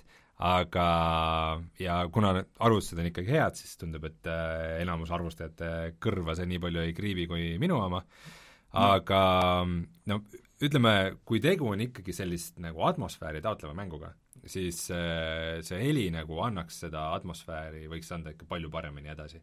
ja just seda feeling ut ka, et äh, no ikkagi kahtlaselt tihti tundub, et mänguarendajad nagu heli pealt nagu hoiavad kokku või, või, või lasevad selle nagu mööda, aga noh, heli räägib äh, mängudes rohkem kui pilt sageli. võtad sa see nelikümmend tundi ette? kindlasti, jaa. mul on, mul on äh, vist äh, kohustus ühe Eesti väljaande jaoks kirjutada pikem arvustus sellest ka. nii et ma juba olen omale selle kohustuse võtnud, et see, et see läbi mängida. aga järgmine nädal, kui ma, kui ma soojal maal puhkan, kas ma seal ka seda õhtuti läpakatega mängin või mitte, seda ma ei ole veel otsustanud. võib-olla mängin, ma ei tea, mine tea no midagi võiks ju Eestist kaasas olla kodus niimoodi, kas Tõde ja õigus raamat äh, või läpakas? jah, või kiluvõileib. kiluvõileib, muidugi. okei okay,, aga Disco Elysiumist me kuuleme siin saates kindlasti veel, jätkame siis äkki NBA teemadel, NBA kaks tuhat kakskümmend. jaa, täitsa väljas, tuli siin juba päris mitu nädalat tagasi mi-, mis sa tahad, et ma ütleksin selle kohta kas Ta see on mäng, kus mängitakse palli? tõsi äh,, kuigi mingid reklaamid, millest peaks kohe rääkima hakkama, treilerid, enne kui mäng välja tuli, siis näitasid jube palju kasiinot meile mingil põhjusel. ja enne, kui mina seda mängu mängima hakkasin, siis äh, mu küsimus oligi see, et kas äh, kasiinomängus on liiga palju korvpalli sel aastal eks ta okay. näitas mingeid ruletirattaid ja mingeid pakkide avamisi ja sellist asja, sellest oli paras, paras muda oli üleval, kus inimesed kiunusid ja vingusid ja, ja, ja, ja tegid YouTube'i videosid ja muid asju, et appi, et mis nad nüüd teinud on, lootbox'id ja sellised asjad, et see on nii halb, nii halb. ja esimene okay. treiler, mis välja tuli, näitaski hästi palju seda, kuidas tüüp istub puldiga diivani peal ja möllab seal mingi loosiratas, keerleb ja, ja siis saab sealt mingi paki ja siis on nii excited sellest, et appi, ma sain selle asja ja siis noh, noh, on ju, meil see lootbox'ide teema on terav olnud kogu aeg no,. et pandi nagu sellega nii mul on natukene, mul on natuke niisugune mulje jäänud, paranda mind, kui ma eksin, on ju, äh, et äh, kui niisugused nagu tõsimängurid, nagu mm -hmm. meie, äh, me oleme nagu kursis sellise asjaga nagu, et pidev mingi lootbox'i jama mm -hmm. ja mm -hmm. värk, aga spordimängurid, kes on nagu veidi casual imad mm -hmm. ja mhm. ei jälgi nagu äh, mängu-uudiseid ja, ja diskussioone sel teemal ja tahavadki iga aasta oma seda uut spordimängu ja that's mm -hmm. it, et ne-, nemad nagu nii väga ei huvitu sellest diskussioonist ja läbi selle nad on nagu justkui vastuvõtlikum äh, publik äh, igasugustele mikromaksetele ja pakkidele ja asjadele, mis sa pead nagu lisaraha eest ostma, et äh, et äh, justkui võtavad seda elu osana ja, ja nii asi käibki ja ei nurise ja siis ma saan aru, et EA-l nagu ikkagi FIFA on nagu ju ja kõik need nagu kaardipakkide müümised, äh, see on nagu see põhiline rahalehm, mille pealt nad nagu ju elavadki, et mm -hmm. kas NBA-ga samamoodi? nii ja naa, sest mina ütlen, et tegelikult sa ei pea peale selle mängu midagi sealt ostma uh. -huh. sest kui sa tõesti tahad seda mängu mängida ja, ja, ja see mäng sulle meeldib, siis see, see leveldamine nüüd sel aastal ei ole enam nii aeglane, kui me räägime erinevatest mängustiilidest, My Player ehk siis My Career, teed oma selle karakteri, hakkad seda arendama, noh, kui see platsi peal hakkama ei saa, siis teed virtuaalse mehe ja lähed sellega lammutama, piisavalt kiiresti leveldab minu meelest, kuigi see mängumood mind väga ei huvita ausalt öeldes, või siis My Team, mis põhimõtteliselt äh, tähendab siis kaartide kogumist ja nendest kaartidest äh, tiimi kokkupanemist, sa saad piisavalt häid kaarte juba nii, et sa lihtsalt mängid ja, ja teatud äh, lahendused äh, ütleme, single player'is siis äh, mingi tiimi võitmine annab sul piisavalt pädevad kaardid, et sa saad igal pool nendega hakkama, nii et tegelikult ma ei näe seda sundust, et sa peaksid ostma kuskilt midagi üldse sealt juurde. mingid kaardid on ikka teemas, on ju? ei ikka, ikka, see, et sa avad kaardipaki ja me-, pakist tulevad välja mingid mehed ja mingid contract'i kaardid ja sellised asjad, see on nagu kõikides nendes spordimängudes ma kunagi käisin korvpallitrennis ja ma ei mäleta, et see nii oleks käinud, on ju. oli ainuke see kaart, mis treener treener jagab, jagab, jagab kõigile, nii, see on sinu kaardipakk täna aga, samas korvpallikaardid algklassides kindlasti olid teema. absoluutselt. ja, ja ega selles, see on nagu selline mängustiili ühitus, sa võid mm -hmm. mängida ka mängu niimoodi, et sa võtad reaalse tiimi ja mängid teise reaalse tiimi vastu ja mängid reaalseid aegu ja reaalseid liikumisi ja reaalseid mehi. et see on nagu, see on mängustiilis kinni, eks see on üks, üks võimalus. Äh, minu meelest see kasiino teema oli nagu nii ülepaisutatud sel aastal, et äh, ma olin nagu proovinud seda My tiimi, ehk siis äh, sedasama kaartide Äh, mängumoodi äh, mingisugune kakskümmend, kolmkümmend tundi, siis mõtlesin, et okei okay,, varsti ma, ilmselt on see kasiino hoopis kuskil teises mängumoodis. mina okay. ei olnud seda näinud okay.. kus kohas see nagu see õnne peal, see kaardipakide avamine on iga aasta olnud aastast aastasse, seal ei ole nagu midagi uut. ja, ja mõtlesin, et äkki on siis My Playeris kuskil see häda, et aga, aga siis ma kuskilt lugesin, et ei, see on My Team'i hädas, mõtlesin, okei okay,, kus kohas. ja siis ma sain selle ruletiratta alla äh, ette omale nädala pärast äh, mingi hetk, kui ma olin kõik päevad nagu sisse loginud ja siis anti lisaauhind selle eest ruletiratta pealt mulle, et ma olin kõik päevad sisse loginud. okei okay.. kogu rulett. ühesõnaga, Tootsi hinnang on see, et äh, NBA kaks tuhat kakskümmend ei ole nii kasiinomäng, nagu internet väidab? mis, mis, mis on nagu positiivsed, võrreldes eelmise aastaga on väga hea välja tuua need asjad, sest eelmise aasta algus oli katastroofiline ja aga selle aasta vingumine on katastroofiline. kui sa võtad äh, nende mängijate poolt, siis näiteks äh, Steamis need arvustused ja ülevaated ja lood, mis nad sinna kokku on kirjutanud äh,, eelmise aasta katastroofiline see, kuidas serverid vastu pidasid, ehk siis seal on, seal on nagu see, et kui sa mängid sedasama My Team'i mängu, siis Äh, see mäng suhtleb, võtab sult nagu contract'i kaardid ära, eks meestel on teatud arv mänge võimalik mängida, sa pead neid contract kaarte juurde ostma, mitte noh, mängusisese raha eest, mida sa kogud ja saad mängude eest. natuke liiga võib-olla detailne, aga, aga, aga häda oli see, et ta võttis need contract'i kaardid mängu alguses ära ja mängu lõpus luges sulle reward'id juurde, kui serverid olid katki maas, siis sa ei saanud võidu eest äh, seda mängusisest raha enam, ehk siis ehk siis sa nagu kaotasid sellega, selle aasta serveri probleeme on olnud, aga mitte nii hullud kui eelmisel aastal mm. -hmm. liiga detailne? ei no võib-olla on tundub, tundub oluline, aga võib-olla mis ma tahaks teada, on see, et äh, et ma saan aru, see My Player on ikkagi üksikmäng? jaa, see on see, kus sa teed oma äh, karakteri sisse, põhimõtteliselt sa mängid ühte karakterit, aga sa saad mängida seda kas nüüd äh, olles siis äh, mõnes NBA liigas mängija, ehk siis single player versioonis, või siis mängida teiste mängijate koos te,, teiste mängijatega koos või teiste mängijate vastu. okei okay,, niisugune päris dünaamiline süsteem. jah, see on nagu, ehitad ennast sisse, sul on olemas ka face scan, eks ju, teed oma näo sinna sisse telefoniga. toimis sinu jaoks? Äh, ma see aasta ei teinud sel aastal, et ma olen äh, tubli lömbis ninaga mustanahaline äh, seitse-null pikk, mis see teeb siis mingi kaks-kümme tegelane praegu, sel aastal tuli hästi okay. välja aga... ühed eestlased tegid seda näo skaneerimise tehnoloogiat telefoni jaoks?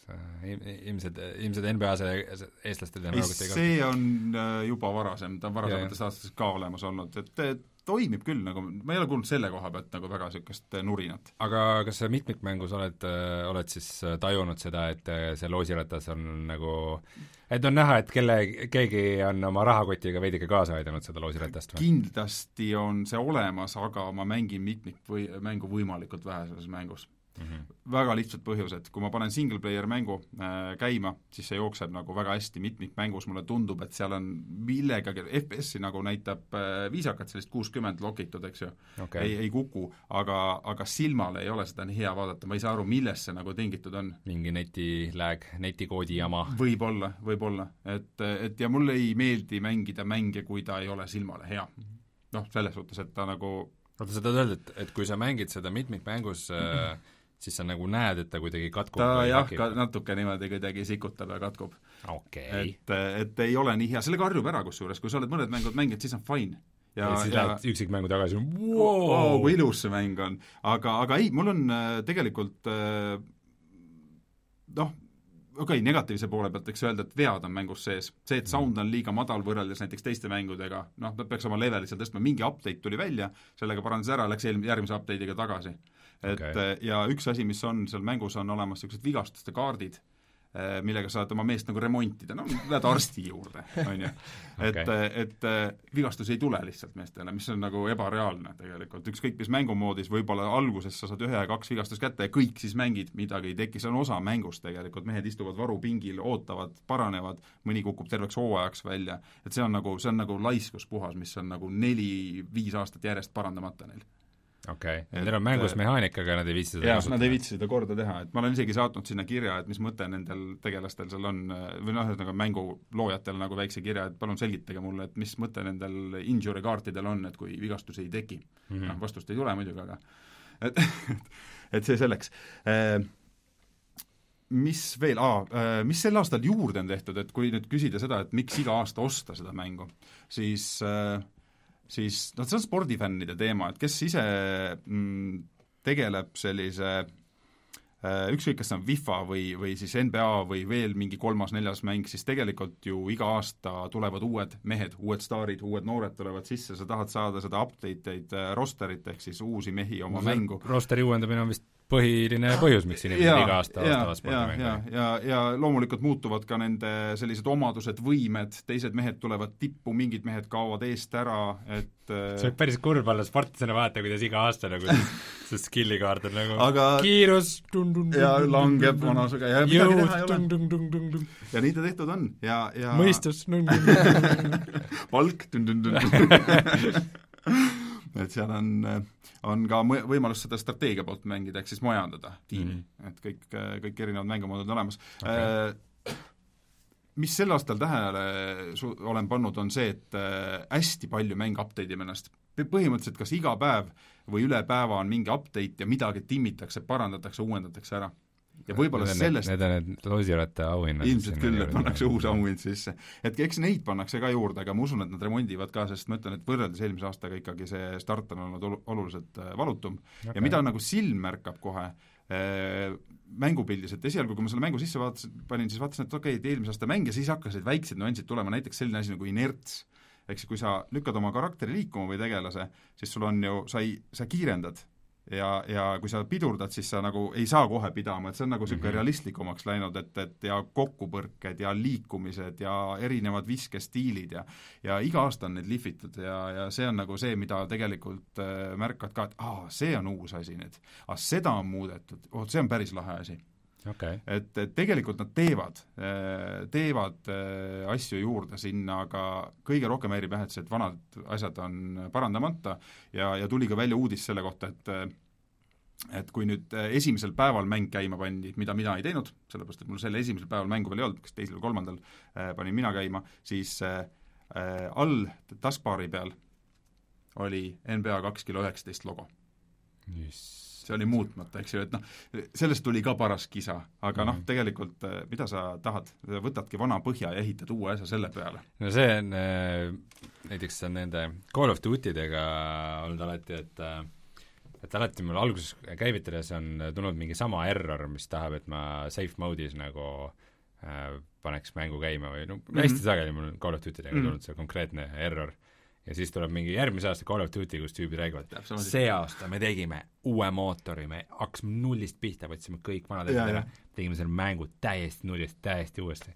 esimest korda käima paned, korra jookseb kokku, täpselt sama error. iga aasta. mis mängus mul praegu oli täpselt sama käivitamine, oli vana mäng, kas äkki oligi jälle Noiris, mida ma nüüd mängin, eks ju, jälle okay. Noir, et ka see safe mode'i käivitamine või oli see Metros või? pagan, ma ei mäleta, ta jõle tuttav tuli ette praegu mm., et jälle jälle mingi update või midagi timmid seal ära, jaa, Windowsist update'is peale sõida, safe mode et midagi ta ilmselt kustutas ära seal kuskil setting utes sellega seoses. aga, aga minu meelest on NBA endiselt hea, mm, on mingisugused kindlasti miinused sealjuures ja, ja ja igaüks vaatab seda oma mätta otsast, kes tahab mängida ilmselt rohkem multiplayerit, neil on seda virina poolt äh, rohkem, aga mängige päris korvpalli, mis te seal multiplayeris ikka mütate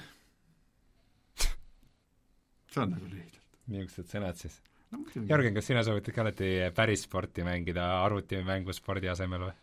noh, nagu äh, nendes asjades, ma arvan, et selle asemel, et MMA mänge mängida, selle asemel võib küll tulla päriselt MMA no trenn. on ju.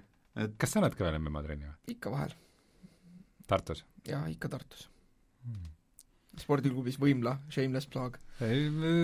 plaagi, plaagi terviseks, selleks sa siin äh, oledki, ma lihtsalt Tallinnas olen äh,, olen ka mõelnud selle peale, et ikka äkki peaks natukene tegema sporti vahel. ega ta tükki küljest ei võta?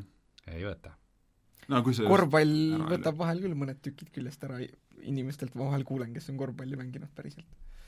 Noh, sõltub jah, kui palju sa seda teed ja kui palju sa rapsid enam. aga Jörgen, ma tahaks äh, väga kuulda siis äh, Griftlandsi kohta, mis no siis Clay uus mäng, see ei ole veel väljas, ta on veel alfas? see ei ole väljas, see, see on alfas, sellest on kaks paralleelset versiooni veel, mis on, üks on alfa ja teine on nimetuse all experimental, kus nad äh, vist nagu muudavad ru-, nagu jooksvalt hästi tihti, et see alfa okay. uueneb mingi iga, äkki mingi nelja nädala tagant või niiviisi mm -hmm. ja siis seal selles experimental pildis nagu kohe, nii kui nad midagi muudavad, lasevad välja, katsetavad ja arvestavad tagasisidega ja niiviisi. aga minu meelest selle mängu release date on alles juuni kaks tuhat kakskümmend, okei okay. äh,, siin on veel päris palju aega. Ja see on siis Clay mäng, mis on tuntud selliste multikaliku stiiliga, aga hästi erinevate nagu mängude väga erinevate ja tavaliselt ikkagi väga viimistletud ja, ja läbimõeldud mängitavusega mängude poolt. nagu, no Gridlands on selles mõttes mm, nagu ütle, nii palju nagu taustalugu, et äh, kui ta välja tuli, esimesed treilerid selle kohta mm, -hmm. siis tundus, et nagu Clay nagu päriselt teeb pealtvaates rollimängu, et äh, Nad vist päris nüüd, alguses tahtsidki teha, see oligi nagu rollimängu rollimäng. projekt. Ja mingi hetk nad äh, tulid uued treilerid ja järsku on sellest saanud kaardimäng. jah, et see on siis mis värk on? see kuidas see juhtus vot seda, kuidas see juhtus, seda ma ei tea, aga, aga ma ei ole ka ruletti pole veel näinud. kas tänapäeval peavad kõik mängud olema kaardimängud uh,? mulle iseenesest kaardimängud meeldivad. Äh, meeldis ka Hearthstone, millele ma panin ühe punkti arvustuses, aga see oli just tahtsin öelda, et see oli väärt üks punkt. see oli väärt üks punkt. Äh, tegelikult oli äge mäng, see oli nagu niisugune okei okay,, las see ärme, ärme, ärme sinna lähme, jah äh,. Aga, aga nagu see on siis üksikisiku kaardimäng, seal nad on öelnud, et mingit nagu multiplayer'i osa kunagi ei tule ja see on siis üksikisiku niisugune rollimäng, kaardimäng. mis on häda, on see, et seda võrreldakse palju Slay the Spire'iga, mida mm -hmm. ma ei mhm. ole kunagi proovinud, sest mulle see graafiline stiil kuidagi hakkas vastu ja siis ma mõtlesin, et ma ei, ma ei hakka seda nagu proovima. jah, ma, ma ei ole ka Slay the Spire'it mänginud, aga ma saan aru, et põhimõtteliselt see on ka siis niisugune kuidagi originaalne segu nagu mingisugusest kaardipaki kogumisest ja, ja, ja võitlusest. ja, mis on ka üksikmäng, eks ju mm. -hmm. See maailm iseenesest on hästi kihvt, äh, mulle tund-, noh, see on ilmselt nagu sealt, kui nad rollimängu ehitasid, siis nad mõtlesid selle maailma peale, see maailm on kihvt, graafik on ikka niisugune multikalik Clay stiilis mm,, osasid mitte niisugune väga nagu lapsik multikalik, niisugune ütleme jah, noh niisugune teismelise jah, teismelise multikalik, jah uh. -huh räägi sellest maailmast ka veidikene, et mis nagu ajastu ta on? see on äh, noh, see on nii-öelda kuskil tulevikus, see on mingisugune teine planeet, kus on siis äh, tulnukatega, aga ta on selline, ta ei ole nagu niisugune puhas nagu sci-fi, nagu võib-olla mingi Mass Effect, kui öeldakse, vaid ta on niisugune hästi niisugune räpane ja selline nagu inimesed on vaesed ja ja, ja selline nagu mm, mingi, mingi, ma ei ole kindel, kas seal on nagu mingi kataklüsmiline event ka olnud, aga et seal see, see maa on kuidagi nagu noh, niisugune, niisugune hukas või natukene ja siis on siis on natuke niisugust seal... fantasy vibe'i on vist ka mm,? Jah, et seal on palju, on võitlust ikkagi nagu külmrelvadega ja ja no mingit otseselt nagu niisugust maagiat nagu seal ei ole, et see on okay., ta on ikkagi nagu sci-fi selles mõttes, pigem et laserpüstolid ikka ja asjad ka äh,? Seal nagu tegelikult on need kuulidega minu meelest need püstolid. kuulidega laserpüstolid? kuulidega laserpüstolid. see tuleb mulle seda ühte Rick and Morty spin-offi meelde, et I updated my portal gun and now it's a real gun ja, ja, ja sul on siis niisugune kaart või nagu niisugune overworld, kus siis sa saad mingitesse kohtadesse nagu minna ja noh, mis sellel nagu kaardi peal juhtub, on lihtsalt see, et kui sa kuskile kohta lähed, siis võib seal olla mingisugune event nagu trigerdatud vahepeal, et juhtub hoopis midagi muud, et justkui sinu teekonnal keegi näiteks ründab sind või midagi sellist. Random encounter. just kaardi peal mängid kaarte. just kaardi peal kaarte ei mängi ja siis äh, seal on päris äge lugu, millest on, või noh, minu meelest on see nagu, see kirjutamine ja lugu on nagu vahva äh,. mulle see isiklikult meeldis, seal on igasugused erinevad tulnukarassid, seal on hästi palju nagu rasse ja, ja see äh, ja neil on igalühel omal niisugune äge visuaalne stiil, et mingid sellised tiguinimesed ja seal on mingi oma religioon ja siis on nagu sellised äh, tehnopriistid ja, ja selline, selline niisugune kirju, kirju äge maailm. Okay.. Aga mis on siis nagu põhiline erinevus nagu nii-öelda tavalistest kaardimängudest, on see, et sul on põhimõtteliselt nagu kogu aeg, sa mängid nagu kahe pakiga või neid encounter eid või, või matše on siis nagu kahte tüüpi, et on äh, nagu negotiation, mis on justkui, kus sa lihtsalt vaidled või debateerid, äh, väitled oma vastasega ja siis okay. on nagu combat, mis on, äh, mis on justkui siis nagu päris võitlus, kus on võitluskaardid, et kas ma teen mingit lööki või ma boost in enda armorit või või midagi sellist. ja, ja siis on kaartide omavahelised kombinatsioonid, kaardid arenevad, et kaardid nagu kogunevad, koguvad XP sisuliselt. et kaardid ära ei kulu nagu, nad jäävad sulle alles? on erinevaid kaarte, et on selliseid kaarte, mis on näiteks ühekordseks kasutamiseks, et sa saadki mingi kaardi, mida sa saad siis kasutada nagu järgmises matšis, et kui sa selle ära kasutad, siis sul seda kaarti enam ei ole mm. -hmm. on selliseid kaarte, mida sa saad võitluses kasutada ühe korra ja, ja siis on sellised kaardid, mis on nii-öelda noh, lähevad sinna draw pakki tagasi ja, ja sa võid selle uuesti tõmmata, selle kaardi nagu sellesama, sama siis matši ajal ka. Okay.. ja, ja need pakid on päris erinevad ja need mängivad nagu erinevalt, et seal on, äh, selles vestluses on nagu justkui, seda on raske nagu kirjeldada, et, et aga seal on selline äh, sellel vestlusel on nagu omadused, et kas seal on nagu mingid lisaboonuspunktid selle pealt, et, et seal on nagu argumendid, seda nimetatakse praegu argumentideks. et sul võib olla mingi argument, mis siis justkui su damage'ile annab nagu boonust aga vastane saab siis valida või sa ise saad valida, kas sa ründad nagu vastase elu, tal on nagu niisugune keskne noh, jutumärkides elu, sest sa ei ründa teda päriselt, vaid see on nii-öelda tema jutu niisugune tugevus või mis tuleb, peab siis ka nulli minema, et kas sa ründad siis jutu tema nagu niisugust jutu tuum, just, nimi vist ongi core, et kas sa ju-, ründad siis seda või sa ründad mõnda tema argumentidest, et ta saaks siis sind vähem rünnata või, või on sellel nagu mingid muud efektid? Okay.. et seal on niisugust kombineerimist. kombineerimist päris palju. ja, ja kombatis see on nagu tavalisem, et seal on lihtsalt, et sa kombineeridki erinevaid kaarte, et kas teed mingi kombo ja siis on tugev on tämm või, või, või siis nagu tekitad mingeid efekte, et vastase rünnakud on nõrgemad nagu või, või läheb tal jooksvalt elu, mis on mingi bleed, ja, ja vastastel on siis ka võib-olla mingid erivõimed. et noh mm, -hmm. see on nagu noh, põhimõtteliselt on see ikkagi nagu sarnane või noh, kui sa oled nagu varem mänginud kas Hearthstone'i või, või ähm, kas see saab ühe punkti, see mäng? Ei, ei saa äh,, sest see ei, see ei ürita sinult, seal ei ole kasiinomomenti ja, ja, ja mikromakseid. Küll aga, küll aga ikkagi äh, on mängijad juba Clay ja Gritlandsi suhtes väga negatiivselt meelestatud, sest see on Epicu eksklusiiv. Äh,. Kas on, see on äh, Steamis ka olemas, minu meelest on, on lihtsalt see, et äh, ta tuleb välja äh,, ta on, Epicu eksklusiiv mingi aja.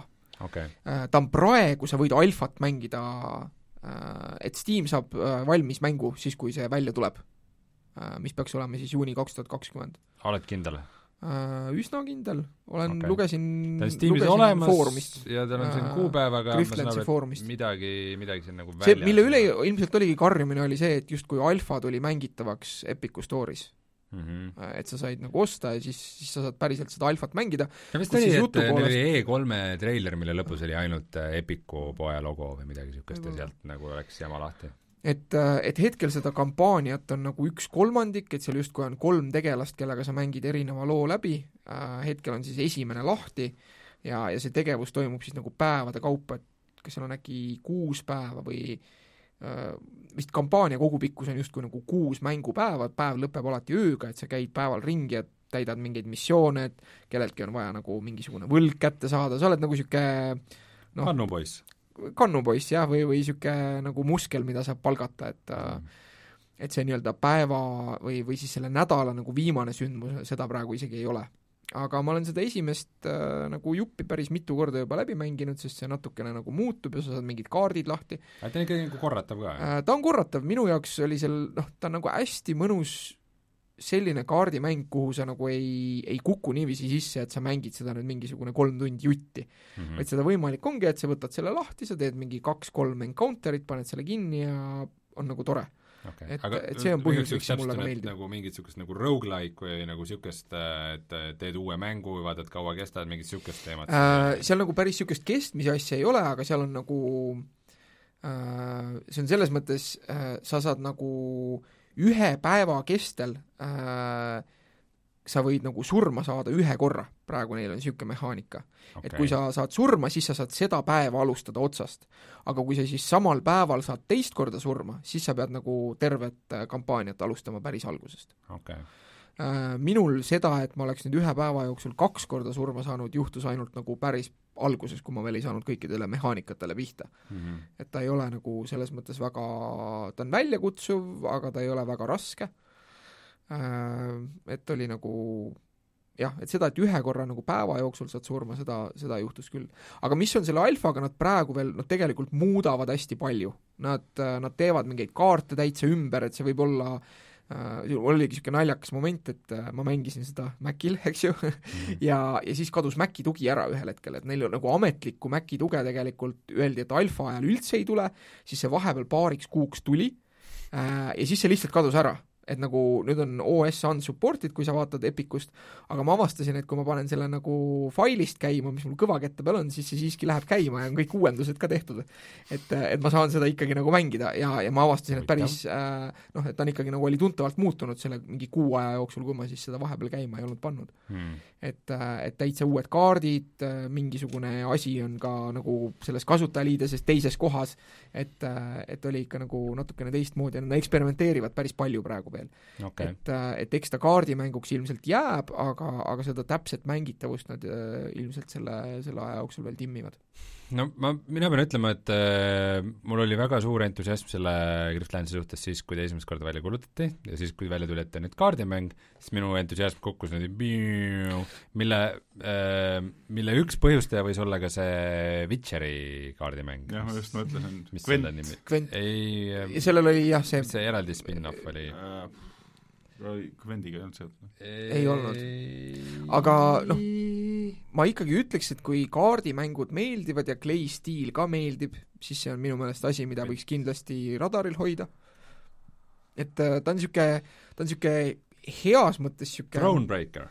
mõnus kerge meelelahutus okay. nagu olemata samas, et ta on nagu niisugune et niisugune nagu samas niisugune sügav rollimäng ta ka ei ole? ei, kindlasti mitte, et noh, et see ei ole nagu niisugune ülitiip, sul natukene on küll, see, seal on nagu sa nagu kujundad enda karakterit, et noh, näiteks hästi oluline valik on see, et kui sa teed kombatit, siis enamasti mingil hetkel vastased annavad alla. Mm.. ja siis sa saad teha alati valiku, et kas sa tapad selle vastase või sa lepid selle allaandmisega. Ja sellel on tagajärjed, et kui sa tapad selle vastase, siis äh, kui sellel et seal maailmas on nagu väga selged tagajärjed, siis kui sellel tegelasel oli sõpru, siis need sõbrad hakkavad sinusse suhtuma halvasti. Võivad sind rünnata, kui nad on näiteks poodnikud, siis sa ei saa nendelt enam asju osta sellise, vähemalt nii hea hinnaga kui enne mm, -hmm. äh, aga kui sa aktsepteerid allaandmist, siis tavaliselt see äh,, see inimene suhtub sinusse pärast halvasti ja, ja sellel võib olla nagu mingi mõju sellele, kuidas sa näiteks mõnda järgnevat missiooni lahendada saad. et selles suhtes seal ikkagi aga nagu kui ta surnud oleks, ta hindaks sind äh, kõrgemalt? Tema mitte, aga siis tema sõbrad, tema, tema sõbrad. ja, ja sa, ja sa pead tegema nagu valikuid seal story's, et noh, et näiteks seal on päris palju on selliseid, ütleme, äh, mingeid kaheseid valikuid, kus, äh, kus see mõjutab nagu nii-öelda seda maailma ja seda story't, näiteks selles esimeses päevas on kuskil poole pealt läheb, et seal justkui on kaks nagu sellist äh, mis see faction eesti keeles võiks olla, et kaks sellist äh, Grupeering. grupeeringut, millest üks on siis nagu justkui korrumpeerunud linnavõim, kaldkriips politsei, ja teine on siis niisugused kohalikud kaagid, kes võib-olla vahel nagu aitavad inimesi, aga nad tegelikult nagu väga head ei ole ja sa pead valima siis, kumma heaks sa töötada saad ja, ja siis vastavalt see teine grupeering suhtub sinusse halvasti ja sa tema missioone nagu ei saa teha mm. -hmm. mis annab siis ka nagu sellist replayability value't, et ma tegingi, ma tahtsin nagu selle teise suuna missioone ja lugu ka näha, et see lugu läheb ikka nagu täitsa noh, mingis osas nagu erinevat moodi. et justkui seal see punkt, kuhu sa välja peaks jõudma, et mõlem, see on siis, et kumma grupeeringu sa valid, et see aitaks sind nagu siis selle sinu äh, tegelase nagu lõpubossini jõudmise jaoks Äh, et see lõpubossi võitlus ilmselt on sama äh, ja seda lõpubossi siis praegu veel nagu selles alfas ei ole äh, okay., aga, aga et siis see teekond on nagu erinev. et selles suhtes seal on niisugune rollimängu element nagu olemas. okei okay.. no mis, mis mind veel huvitab selle Kristlansi osas, on see, et ähm, no kuna justkui nad ise alguses tekitasid mulje, et tegu on niisuguse nagu loopõhise rollimänguga rohkem äh,, et siis mulle tundus, et ei ole mitte mingisugust pointi sellist nagu alfa versiooni või nagu varast versiooni mängida, et noh, nagu kunagi oli see Wasteland kaks näiteks tuli mm, -hmm. et siis noh, mhm. üksikmängija looga pikk kampaania, mida ma mängin seda poolikut versiooni selleks, et nagu nullist alustada, siis kui see lõplik versioon välja tuleb. aga nüüd see, mis sina kirjeldad, et niisugune nagu casual ja üsna nagu muutuv, et, et, et, et sa saad aru, ma saan aru, et sa soovitaks seda isegi nagu juba alfas proovida või? kui sulle meeldivad kaardimängud, siis jah, et äh, mina praegu mõtlen, et ma ilmselt teen selle nii-öelda esimese jupi isegi ühe korra veel praegu lihtsalt niisama läbi, äh, kui see lõplikult tuleb välja, ei tea, kas seal saab kohe neid tegelasi valida, et seal lõplik, noh, seal on nagu näha, et seal tuleb nagu justkui kolm tegelast, et seal on siis nagu kolm lugu, praegu on mm -hmm. siis üks on lahti ja, ja seda kampaaniat ei saa ka päris lõpuni teha. Okay.. aga ta läheb nagu päris ruttu ja, ja, ja see kaardimängu mehaanika minu jaoks oli nagu fun, et äh, et kui põhimõtteliselt kaardimängud meeldivad, noh, võib ju oodata ära, sest ma arvan, et need mängumehaanikad nagu muutuvad, et see on ilmselt selle alfa põhjus, et miks see praegu lahti on, nad võtavad seda tagasisidet ja tõesti, seal on seda tweakimist palju, et kas mingisugune noh, asi võtab nüüd ühe punkti elu või kaks punkti elu või kas selle kaardi hind peaks olema üks või kaks äh, nagu siis seda nii-öelda punkti äh,, et nad seda timmivad äh,, et kui, kui tahta nagu värskena teha, siis võib ära oodata selle mm, -hmm. aga, aga ma ütlen, et mina ostsin selle ära, proovisin, mulle meeldis see ja, ja ma ilmselt proovin seda praegu veel korra uuesti, aga siis ilmselt enne juunit rohkem ei proovi mm. -hmm. et äh, aga, aga seda esimest nii-öelda juppi minu jaoks läbi teha on siis ikkagi juba siis nagu neljas kord. okei okay., no ma ei tea, sa tõstsid praegu minu radarile selle mängu jälle, vahepeal oli sealt nagu natuke ära kadunud. mina ütleks, et kui sa, kui sa vaatad nagu ikkagi seda mingit gameplay videot ja see tundub Toots nagu vaatab et, siin põhjalikult ja tundub, et täitsa vägev. sügav, sügav habet juba päris mõtlikult. et kui, kui selle gameplay video mängu. vaatamise põhjal nagu võib tunduda, et oh, et see võiks mulle meeldida, siis see nagu tunne tõenäoliselt on õige. ma saan aru, mis siin nüüd teha on vaja ja kuidas see asi töötab, sa rääkisid päris hästi lahti, et mis tal ümber selle pea on, need jublakad ja jah, et need on nagu argumendid ja seal on asjad, mis hakkavad juhtuma. Ründama ja see tundub nagu ideena põnev ja mehaanika ja. tundub ka selline, et täitsa kannatab klikkida seda, aga ja sul on ka nagu vahepeal tekib sul mingi nagu party, et teised tulevad sinuga kaasa, justkui siis ai poolt juhitud tegelased ja mm -hmm. ja, ja seal on nagu niisuguseid lahedaid mehaanikaid, et näiteks kui sa ennast ravid läbi selle, et äh, äh, või sa saad enda justkui, sul on siis nagu kaks elu ka, sul on nagu elu, elu on selle kombati jaoks mm -hmm. ja, ja selle negotiation'i jaoks on eraldi elu, mis kui nulli läheb, siis sellest ei juhtu midagi, ainus asi on see, et kui su see on nullis, siis sa ei saa alustada uut negotiation'it, siis su valik on justkui ainult kombat, et sa ei saagi nagu mingit läbirääkimist teha, vaid jututuju kohe jututuju läheb ära ja kohe just, molli. kohe molli täpselt, mis, mis on mõnikord nagu väga, väga, väga halb, halb valik seal. aga ma võin lüüa, mul on palju punkte. aga et näiteks, et kui sa seda jutupunkte tahad nagu taastada, siis sa võid nagu juua niisuguseid kohalikke alkohoolseid jooke selle jaoks, aga siis, siis sul need punktid tõusevad, et jututuju tõuseb, aga samas sa saad endale äh, kaardi, et äh, su kõne on nagu slurred. Jah, et, et sa pudistad ei, ja okay. ja, ja, ja siis sul on nagu pakis tuleb see, et sul võib olla, et kohe alguses on käes mingi ports negatiivseid kaarte uh. -huh. ja siis seal on selle, et siis sa võib-olla valid mingit missiooni, mille nagu nii-öelda autasu on see, et sa saad eemaldada pakist mingisuguse kaardi. et sa ei saa ise ja. nagu, sa ei ei saa, sa saad nagu valida, milliseid kaarte sa juurde ostad, aga sa ei saa nagu enne võit-, seal ei ole seda mehaanikat, et ma nüüd enne võitlust nagu timmin täpselt enda paki või panen selle kokku, et mingi random element. seal on just see, et sul on, sa mängid alati nagu terve pakiga, mis sul käes on mm, -hmm mis ongi siis see, et kui sa mõnes mõttes tahad mängida nagu mingit kindlat stiili, siis sa võib-olla ühest hetkest nagu ei ostagi endale kaarte juurde, sest muidu neid on liiga palju ja seal see juhuslik mm. element läheb liiga suureks. Okay.. et, et seal on sellist taktikalist sügavust päris palju, et näiteks, et kaartide arendamisel sa võib-olla otsustadki, et et sul on, äh, kui kaart äh, nagu levelib üles, siis seal tekib alati kaks valikut ja tihtipeale see valik on see, et kas see kaart teeb sedasama asja, mida ta tegi enne, lihtsalt nagu rohkem, et ma saan näiteks, enne andis kolm armorit, nüüd annab neli, või siis teine valik on näiteks see, et äh, see kaart annab kuus armorit, aga ta on nii-öelda expandable, et ta, et ma saan teda partii jooksul kasutada ainult ühe korra. tohin korra ajaloos tagasi minna? mul läks NBA-ga seoses meelest ära, et seal on ka need äh, sellised arenevad kaardid, et põhimõtteliselt mehaanika mm -hmm. on sama, kaart läheb tugevamaks, kui sa teda ja. kasutad ja mängid. Ehk siis see on ka uus asi, mis sisse on viidud. nagu, nagu tavalistes kaardimängudes. jaa, aga, aga see on nagu väga kihvt mehaanika. nagu tavalises korvpallis. seda ei ole varem olnud et mees nagu ja. läheb tugevamaks. aga Griftlandis on jah see, et sa pead seal ka tegema valikuid, et seal on selliseid, et need mehaanikad on, võib-olla isegi resoneerub natuke sellega, mis sa ütlesid nagu Disco Elysiumi kohta, et neid erinevaid mehaanikaid on nagu huvitavalt palju, et ükski eraldi ei ole nagu midagi ülirevolutsioonilist või, või keerulist, aga see, et nad on kõik kuidagi kokku pandud, see on nagu äge, et sa pead nagu mm. paljude väikeste asjade peale mõtlema. et äh, mulle meeldis ma okay, täismängu ma... võtaks, ma alfat ei viitsi. mul on tunne, et ma täna kaardimängudest küll rohkem ei jaksa kuulda, aga aga ma räägin teile ühest molli andmismängust.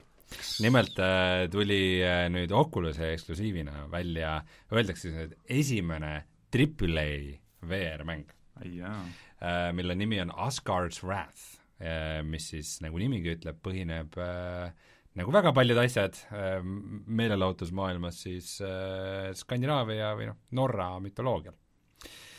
ehk siis ähm, kõige ilmselgem võrdlus oleks äh, Skyrim. et äh, tegu on ikkagi noh, rollimänguga, kus sa käid ringi, saad kastidest mingisugust träna äh,, võitled kollidega, käid äh, koobastes, aga mm, läbi selle mütoloogia on talle antud niisugune huvitav äh, twist. nimelt äh, sa oled, äh, sa oled üks jumal. Ja ma tänan. mm, ma tean.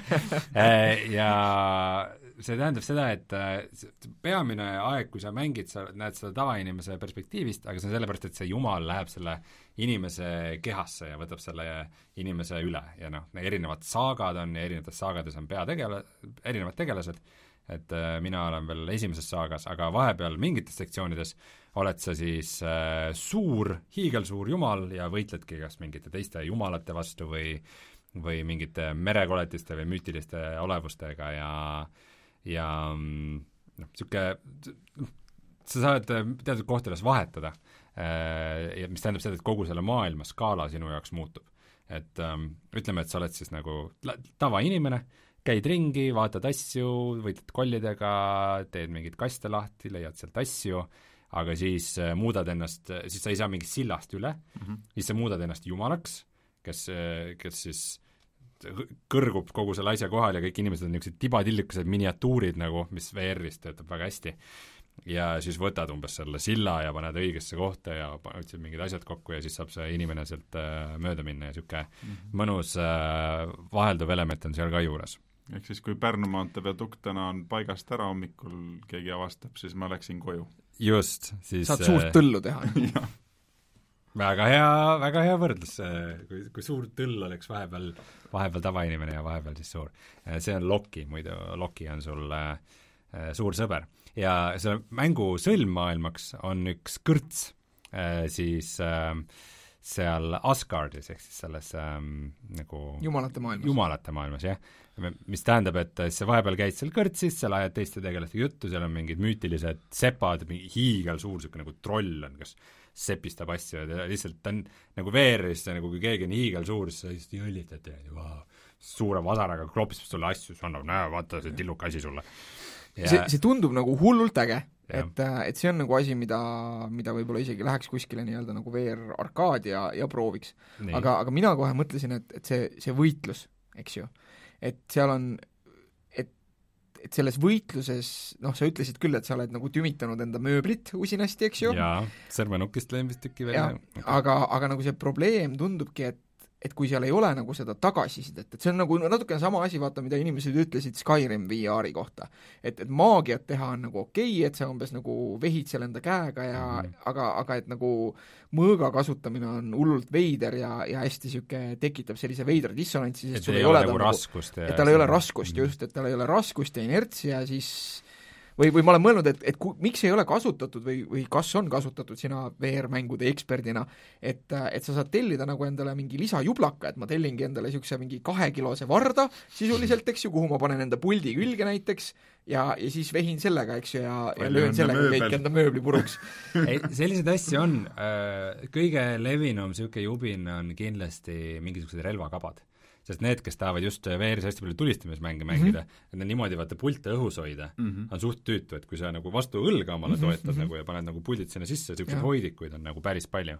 et noh, see on kõige, kõige esmasem asi, et just sul oleks nagu kab-, relvakaba oleks vastu õlga. ja mis noh, annab sellele, ma kujutan ette, et noh, seal muidugi need, kes päriselt on relvast lasknud, seal ei ole tagasilööki, et okei et sul on mingi laserpüss, on ju. no tegelikult kuigi nagu haptilise tagasisidega tagasilöök võiks päris äge olla. kui ma olen käinud VR-arkaadides, kus nagu sul on päris mingid relvad käes mm, -hmm. siis äh, miks iganes nagu, vaata nagu mm, no niisugune nagu õhkrelva, niisugune nagu mis ikka nagu reaalselt lööb sulle, et ikka, nad ikka nagu vibreerivad sul käes ikka jõhkralt, et see ikkagi annab teise, teise tunde täitsa. et see võiks, see võiks nagu äge olla, aga kuidas seal on? räägi, räägi Asgard Swordist, kuidas seal see äh, võitlus on? no seal see võitlus on, on niimoodi, et äh, sul on põhimõtteliselt peamiselt on sul ühes käes mõõk, sa tõmbad selle nagu oma siis vasakult puusalt, äh, sa võid selja pealt tõmmata kilbi, plokkide kil-, kilbiga, kilbiga lüüa ka, niisuguseid asju teha, ja siis sul on ka viskekirves, et sa võid nagu võtta kirve, mingi hetk sa saad nagu võlukirve, et sa põhimõtteliselt nagu viskad selle ja siis sa saad niisuguse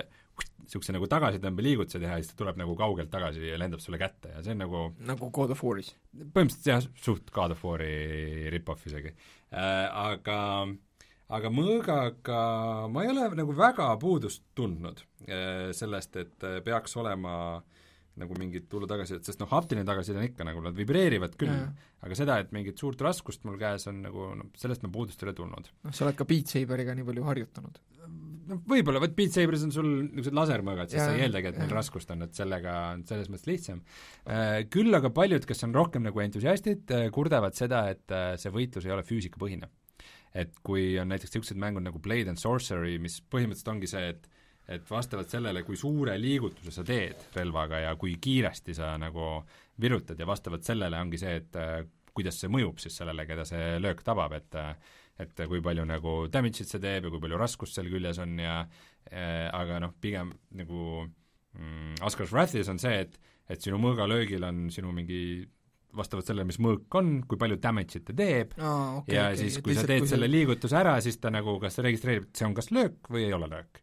ja mm -hmm. see tundub nagu natukene nõmedam, aga küll aga on see, et need vastased on ikkagi suht rasked, nad ikkagi ei ole niimoodi, et sa lihtsalt lähed ja lööd läbi ennast kõigest ja aga ma ütleks, et isegi see võitlusmehaanika on päris tüütu sest et äh, väga palju sa kohtad selliseid vastaseid, kes, äh, kellel on mingisugune runic armor ehk siis niisugune maagiline armor peal. ja selleks, et nende armorist läbi saada, sa pead kõigepealt tükk aega blokkima nende lööke ja no see blokkimine ei ole nii, et sa hoiad lihtsalt mõõka üleval, nad vaatavad, mis suunast sa lööd, mis suunas sa kaitsed ja nagu ründavad sinu neid külgi, mis sa kaitsmata jätad. ja sa pead nagu väga täpselt mõõgaga vastu lööma nende relvale et äh, see löök ära pareerida mm -hmm. ja see kasvatab tema mingisugust raevumeetrit, kuni lõpuks see vastane teeb oma selle signatuurrünnaku ja siis sa pead selle täpselt ära blokkima ja siis sa saad alles hävitada tema selle armori. okei okay,, see tundub tüütu. see on tegelikult väga tüütu, sest et äh, oleks, et seda juhtub nagu paar korda, aga see on põhimõtteliselt igas võitluses, et äh, isegi kui sul on mitu vastast nagu, kes ümber sinu tiirlevad Oi. igas suunas ja sa pead selle ühe tüübi pareerimisega tegelema ja ja noh, õnneks nüüd ma vaikselt hakkan avama mingisuguseid eraldi võimeid ja power eid nagu kuidas, kuidas nendest ruunika armoritest läbi saada, aga minu meelest see on ikkagi päris tüütu mehaanika. no mis omamoodi on lahe, et kui, et sul vastas, see ei ole lihtsalt, et sa niidad neid, vaid et sul on nagu niisugune, niisugune duell või niisugune pidev nagu võistlusmoment, et nagu üksteise ülekavaldamine või isegi niisugune tunne mm -hmm, natukene mm, -hmm. mis on nagu äge, aga sellega on veidikene nagu liiale mindud mis veel äh, moodustab olulise osa sellest mängust, on sinu kaaslased. et ähm, põhimõtteliselt saad erinevatest loomadest äh, teha omale niisugused ähm, follower'id. Äh,, esimene oli hai, teine on kilpkonn ja kolmas on kotkas. Ja ma saan aru, et neid tuleb veel terve hunnik, mingid härjad ja ma ei tea, mis loomad ja põhimõtteliselt siis äh, sa moondad need niisuguseks inimsarnasteks olevusteks, niisugused looma ja inimese segud, kes siis on sinu kaaslased ja kes võitlevad sinuga koos ja kellel on mingid eraldi võimed, mille abil sa saad avada mingeid uksi või mingitest lõksudest läbi saada või midagi sellist. ehk siis seal on ka niisugune nagu Metroidvania element, et sa äh,, sa saad nagu pärast nagu tagasi tulla mingitesse okay. aladesse, kus sa juba käisid ja siis saadad äh,, lased omal kotkas, kotkas sõbrannal tiibadega vehkida, et mingisugune mehhanism käima läheks. kui pikk see mäng on?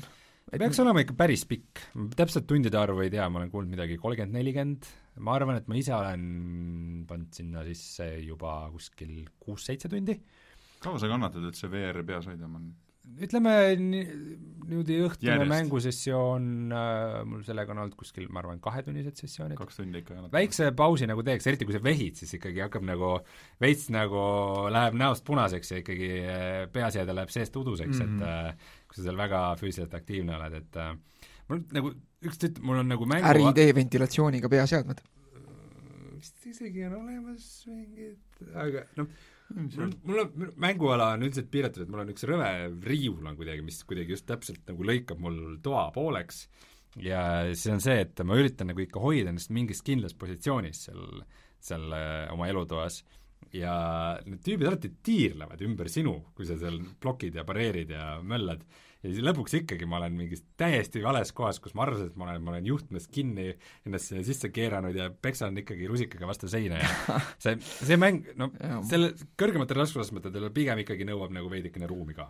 et mm, -hmm. et olge, olge hoiatatud. ja ma mängin seda siis Oculus Rift S peaseadmega, kuna ta on Oculus eksklusiiv, aga ma olen kuulnud, et niisuguse äh, tarkvaraga nagu Revive saab teda ka üsna edukalt äh, või isegi väga edukalt mängida Valve Indexitel ja HTC Vive'idel ja igasugustel muudel peaseadmetel ka, et ähm, võib-olla see esimese ülespanekuga on veidikene jändamist, et need pultide nupud täpselt üle tuleksid, aga võib-olla see käib ka kuidagi suht automaatselt, et äh, et teiste peaseadmete omanikud ütlevad, et täiesti saab mängida küll, et nad ostavad selle Oculus poest, Oculus'e poest ja siis läbi Steam'i, läbi Revive'i mängivad seda Steamis, Steamveris ühesõnaga, väga suur ja vägev VR-mäng, ma ilmselt äh, mängin seda veel, mul on väga hea meel, et on tulemas suuri VR-mänge, see aasta tuleb veel näiteks äh, Stormland, Borderlands kaks, Boneworks, Valve teeb oma suurt äh, VR-mängu, järgmine aasta Medal of Honor, nii et äh, on tulemas. kas VR on tulevik? Äh, ta ei, ma ei, ma ei usu, et ta asendab ära kõiksugu teised mängud aga kindlasti temast saab osa niisugusest, ütleme nagu kõrgema otsa mängimisest mm, -hmm. ma arvan küll. et ta ei ole 3D televisioon? ei ole kindlasti 3D televisioon. 3D televisiooni me oleme lihtsalt nii vähe kokku puutunud 3D televiisoreid ei tahtnud mitte keegi ja. peale äh, elektroonikafirmade, kes tahtsid neid müüa. VR-i ilmselt päris tahavad ka mina olen väga ammu proovinud äh, PlayStationi mingisugust asja kaks-kolm aastat tagasi, et palju sealt yes. nagu seda arengut ikka kõvasti, eks ju? no selle... PSVR-i ja nüüd kaks tuhat üheksateist aasta arvuti peaseadmete vahe on ikkagi nagu päris suur, et ta ei ole nüüd päris nagu teine generatsioon, aga aga ütleme, ütleme, kui tulid välja Oculus Rift ja HTC Vive, äh, ütleme, et need olid nagu üks punkt null peaseadmed mm, -hmm. siis see PlayStation VR oli niisugune nagu null koma seitse või null koma kaheksa ja nüüd niisugune Rift S on niisugune üks koma viis ja Valve Index on võib-olla niisugune üks koma seitse või üks koma kaheksa. miks ma seda küsisin, eks ju, kaua sa mängida saad, sest ma tean ise, et selle PlayStationi asjaga nelikümmend minutit oli enam-vähem lagi, siis oli kõik nagu mm. -hmm. et ma lasin ka kodus teistel nagu proovida ja laps muidugi haid nägi, siis pani kohe jooksu aga naine pani pähe ja ütles, et ei, ei, ei. no selles mõttes on naljakas, et nagu, et ma nagu selle nädala jooksul esimesed äh, õhtud läksid mul nagu VR-mängu peale, teised Disco Elysiumi peale ja Disco Elysium on pigem see, mis silmad valutama paneb. Sest sa pead nii palju teksti lugema ekraanilt, mitte see VR-mäng, mida ma nagu mitu tundi järjest okay. mängida. et äh, ma ei tea, äge, äge, et tehakse suuri VR-mänge, eks tal on mõned miinused ka, mm, peamiselt level disain on natukene liiga niisugune lineaarne mahtrist on ka jurakas. ta on jõhkralt suur, laadimisajad, laadimisajad on pikad ja laadimisajad VR-is sakivad, sest et, äh, sest et sa põhimõtteliselt passid seal peas miks seal ei kasutata seda, vahepeal oli vaata, et pandi mingeid nutikaid minimänge laadimisaegadele ühel hetkel oli vaata see trend, kui oli konsoolidel ja PC-l, konsoolidel vist eelkõige, et kui olid pikad laadimisajad, mõned panid nagu mingid minimängud nagu kas keegi ei patenteerinud seda kunagi? ja mingi kakskümmend aastat oli patent ja siis ei vahepeal võiks saada pakke avada see oleks õige aeg selle loosiratast veeretada. vaata, et muidu on see, et nagu äh, VR peaseadme saab laadimisajaks ära võtta ja lähed mingi, võtad, jood mm -hmm. vett mhm. või pikutad põrandal või mis iganes, aga jama on selles, et see Rift S, millega ma seda mängin, Rift S-ile ei ole neid külge ehitatud kõrvaklappe. nii et ma mängin seda nööpklappidega. ja siis on see, et sa pead neid nööpe ära tirima nagu, kõigepealt sa paned puldid kuskile ära, on ju, siis sa võtad nööbid ära, siis sa võtad peaseadme ära ja siis, kui sa ära laeb, sa paned peaseadme tagasi, siis nööbid tagasi, sa võtad puldid kätte, et see on nagu liiga palju liigutada mm. -hmm. Versus see, et Valve Index, millel on fantastiline heli ja need külgeehitatud kõrvaklapid, ja nööbid tegelikult niisuguseks aktiivseks vehkimiseks on üldse halvad, nagu mingi kas te, ma ei tea, mis selle fenomeni nimi on, aga kindlasti, kui te olete kõndinud kõrvaklapid peas, juhtmega kõrvaklapid mm -hmm. peas, on see, et nagu vaata, kui see juhe kraabib nagu mingi lukku vastu või midagi, siis see nagu ja. heli tuleb edasi. et see VR-mängu puhul äh, käib ikka päris närvidele okay., see pidev niisugune krabin. no näed, ei, ei tule nööbiga klapid ära, väga no, lihtsal põhjusel. sest et sest on klapid, kus, mis lähevad siia kõrva taha sul ilusti, kõrva sellise no see, no sellega on see, et see juhe ei hõõru. Need ei tule mitte kuhugi. kas me peaks ka proovima, äkki, kas juhtmega kas Bluetoothi klappe saaks ka panna arvutile küll, muidugi saaks. muidugi saab. Ainult et lauaarvutil on eraldi vaja ju Bluetoothi receiver'it, aa kui tüütu. igatahes äh, Oscar Jörgen, hea äh, Asgard Wrath, hea äh,, me oleme juba kõvasti üle aja läinud oma saatega, meil tuleb täna vist väga pikk saade, meil on siin väga palav.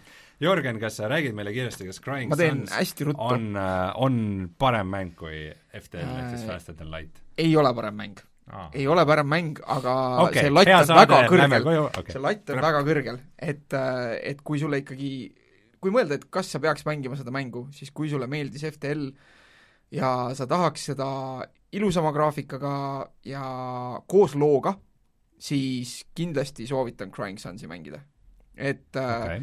sellel on tõesti, see lugu on, kui sulle sci-fi meeldib äh,, kultuuriseeria, Ian M. Banks vist on see autor, eks ju äh,, Düün, igasugune niisugune high sci-fi teema meeldib, siis sellel on väga hästi kirjutatud lugu hmm., mis on äh, väärt ühe korra kindlasti läbimängimist, seal on küll erinevad lõpud, mis ilmselt mitu korda läbimängimist ei ole väärt äh,, aga see üks läbimäng on hea äh,.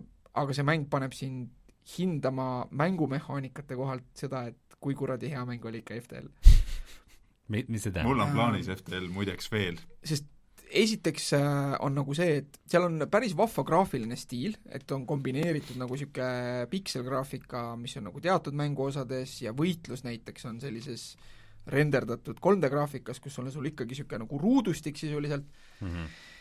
äh, aga näiteks äh, kuna see äh, kuna see graafiline stiil on niisugune hästi niisugune neoonne või futuristlik, siis see hakkab silmade peale, erinevalt sellisest FTL-i tüüpi lihtsast piksligraafikast, sellisest värvilisest ja okay, ja, ja see hakkab nagu, natukene hakkab silmadele ja natukene on tüütu.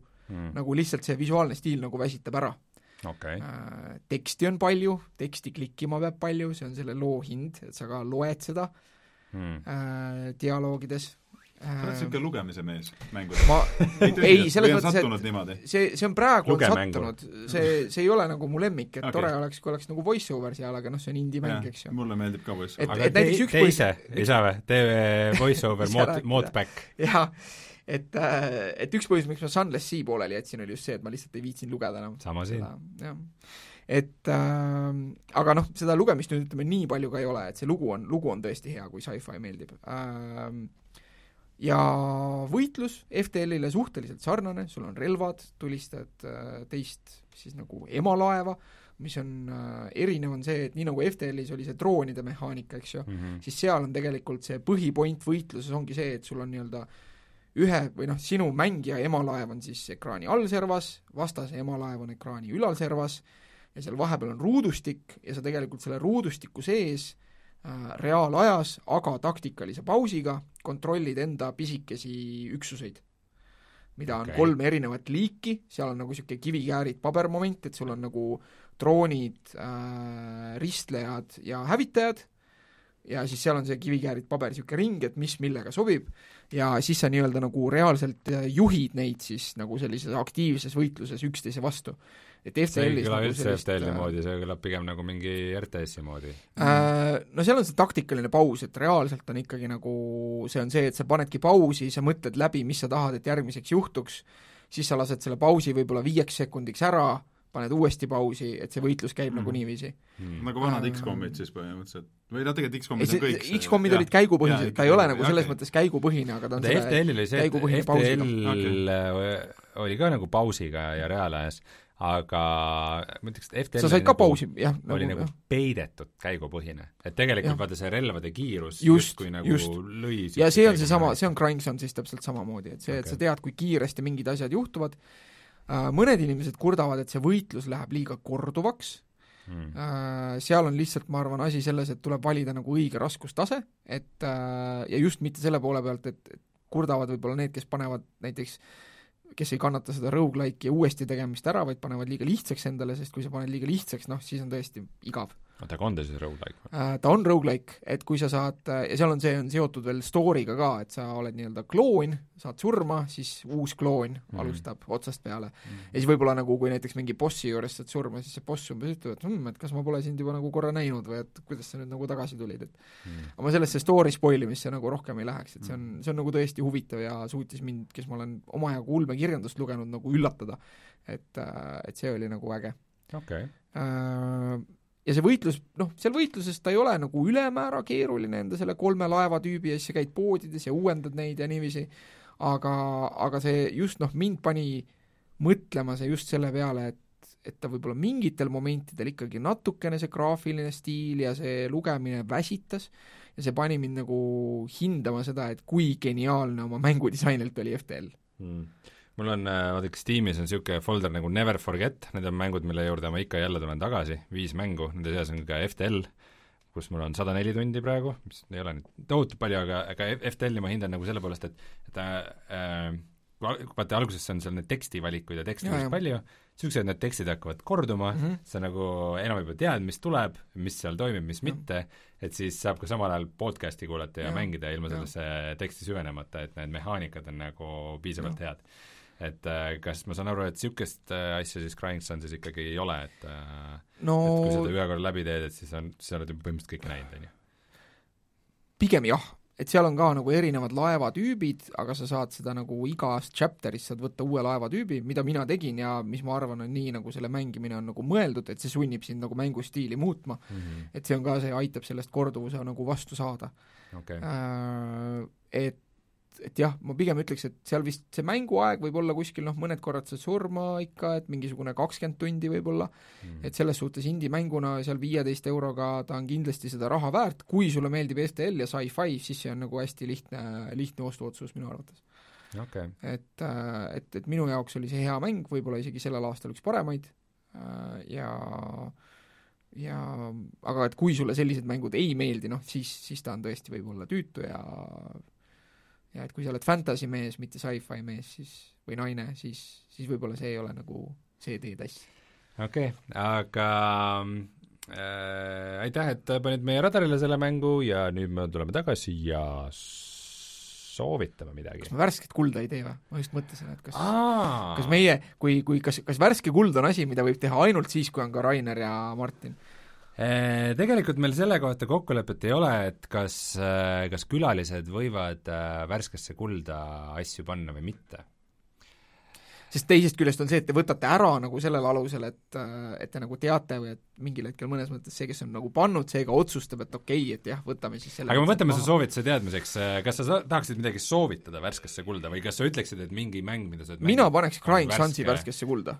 see on ikkagi on nagu oma, jaa, see on nagu nii-öelda oma, oma nišis selgelt äge asi, mis, mis, ja see on värske mäng uh, -huh. See on värske mäng, minu meelest see võiks olla värskes kullas. ja mina Rainerile ütlen, et võtke vastu, jah aga nõba, kas peame... nõba on värske kuld? jaa, selle võiks küll lükata, ma mäletan Raineriga kunagi me mängisime jõulude ajal, see oli päris huvitav. okei okay. äh,, me peame omavahel äh, kas leppima kokku või, äh, või tuletame meelde, mis meil selle kohta reeglid on.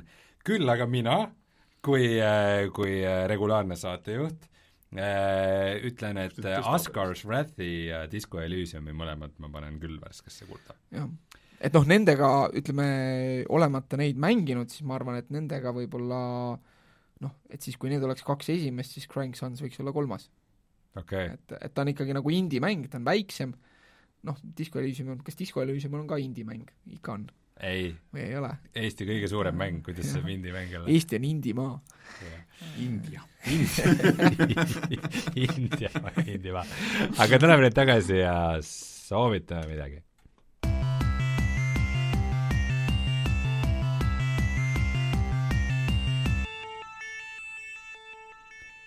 praegu on äh, muidu Steamis äh, Paradoxi äh, müük äh,, Jörgen, sul on kindlasti midagi, mida sa sooviksid, soovitaksid siin äh, kindlasti ligi võtta? oh, Stellaris oli päris tore, ma võib-olla mõtlen, et äh, äkki peaks mõned Stellarise lisapakid ostma, mida ma ei ole proovinud. okei okay,, kuuskümmend kuus protsenti allahinnatud praegu, ma chatist vahepeal nägin midagi, et Crusader Kings läheb lausa nagu tasuta mänguks või?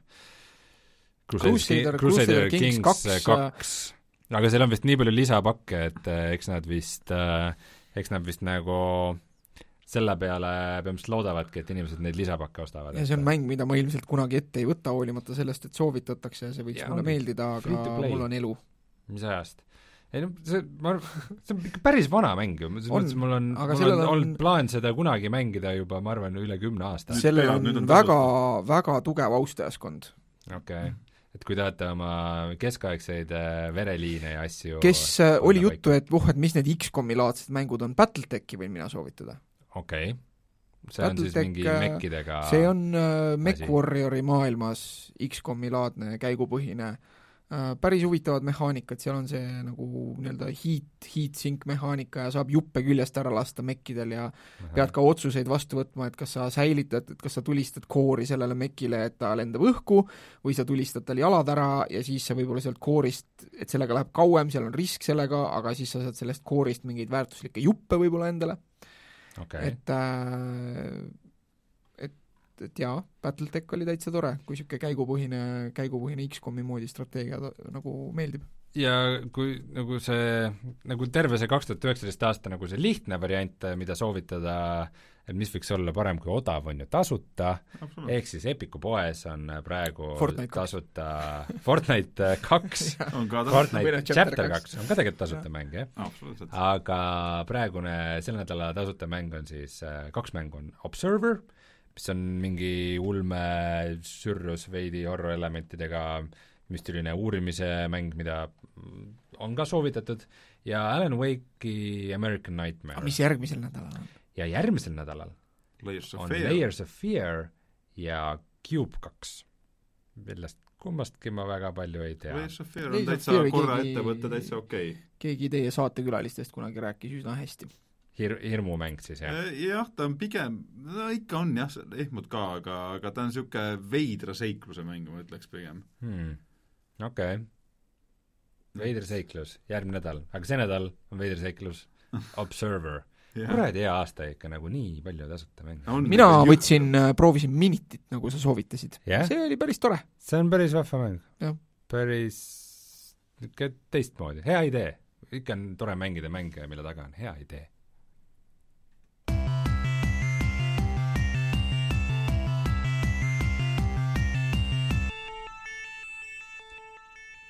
nii, kas kutsume saate saateks? saade. ja, ja, ja teeme ära. Äh, ma loodan, et kõik said äh, palju inspiratsiooni uuteks äh, mängudeks, mida mängida lähiajal.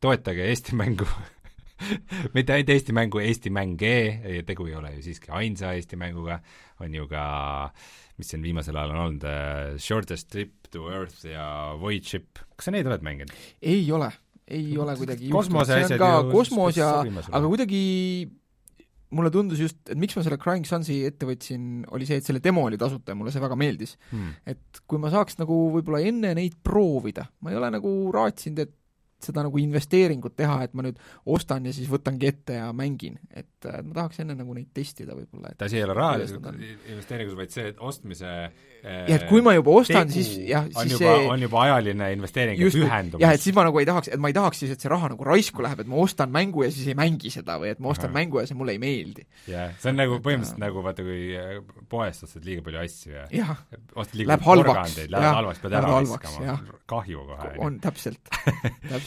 aga jah, et äh, mina soovitan äh, toetada igasuguseid Eesti mänge, aga Disco Elysium, kellele vähegi siis pakub äh, selline asi huvi ka kindlasti äh, ligi võtta ja proovida ja kuulake ka meie äh, kolme aasta tagust intervjuud nende äh, tegelastega, kes selle mängu taga on, mis minu meelest oli praegu ikkagi kaks tuhat üheksateist aastal päris, päris põnev ja nagu mõtteid tekitav kuulata.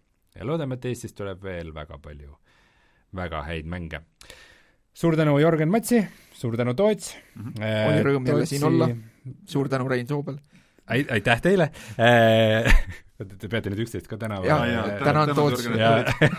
Toots, sinu tegemistel siis saab peamiselt silma peal hoida Twitch'is või mm -hmm. kus kohas? Twitch'is ikka, jah. Youtube'is enam nii väga ei tegutse? ei, ei ole seda ajaressurssi nii palju et Youtube'i ka veel lisaks teha, et pigem läheb kogu see rõhk Twitchi peale mm. -hmm. tavaline graafik on kaks õhtut teen, üks õhtu ei tee striimi siis alates kahe, kakskümmend üks null nullist algavad nad seal kaldkriips Toots Twitchi taha see aadress ja olengi kohal, oledki kohal. Toots. Toots. ja Jörgen, kus sinu teoste või kirjutiste või muude tegemistega saab kursis hoida ennast? oh, siin ja seal. ma tükk aega ühtegi mänguarvustust ei olegi kirjutanud äh,, aga ma ei tea, võib mind võib sotsiaalmeedias jälgida, jälgige mind Instagramis. Selge pilt. Suur tänu kõikidele vaatajatele, kuulajatele, kommenteerijatele ja kohtume siis juba järgmine nädal ja järgmine nädal on siis äh, praeguse seisuga äh, platsis meie, meie põhituumikust ainult Martin. Äh,, siis mina puhkan ja Rainer puhkab ja praeguse seisuga tuleb Martinile külla Sulev kes siis räägib ühest uuest rallimängust, oota, aga millisest? mis see nüüd uus rallimäng siis tuli välja? WRC kaheksa. jah. või ei? vot siis ühesõnaga Sulev, Sulev tuleb, kuulake, mis Sulev räägib. aitäh kõigile ja tšau! tšau! tšau!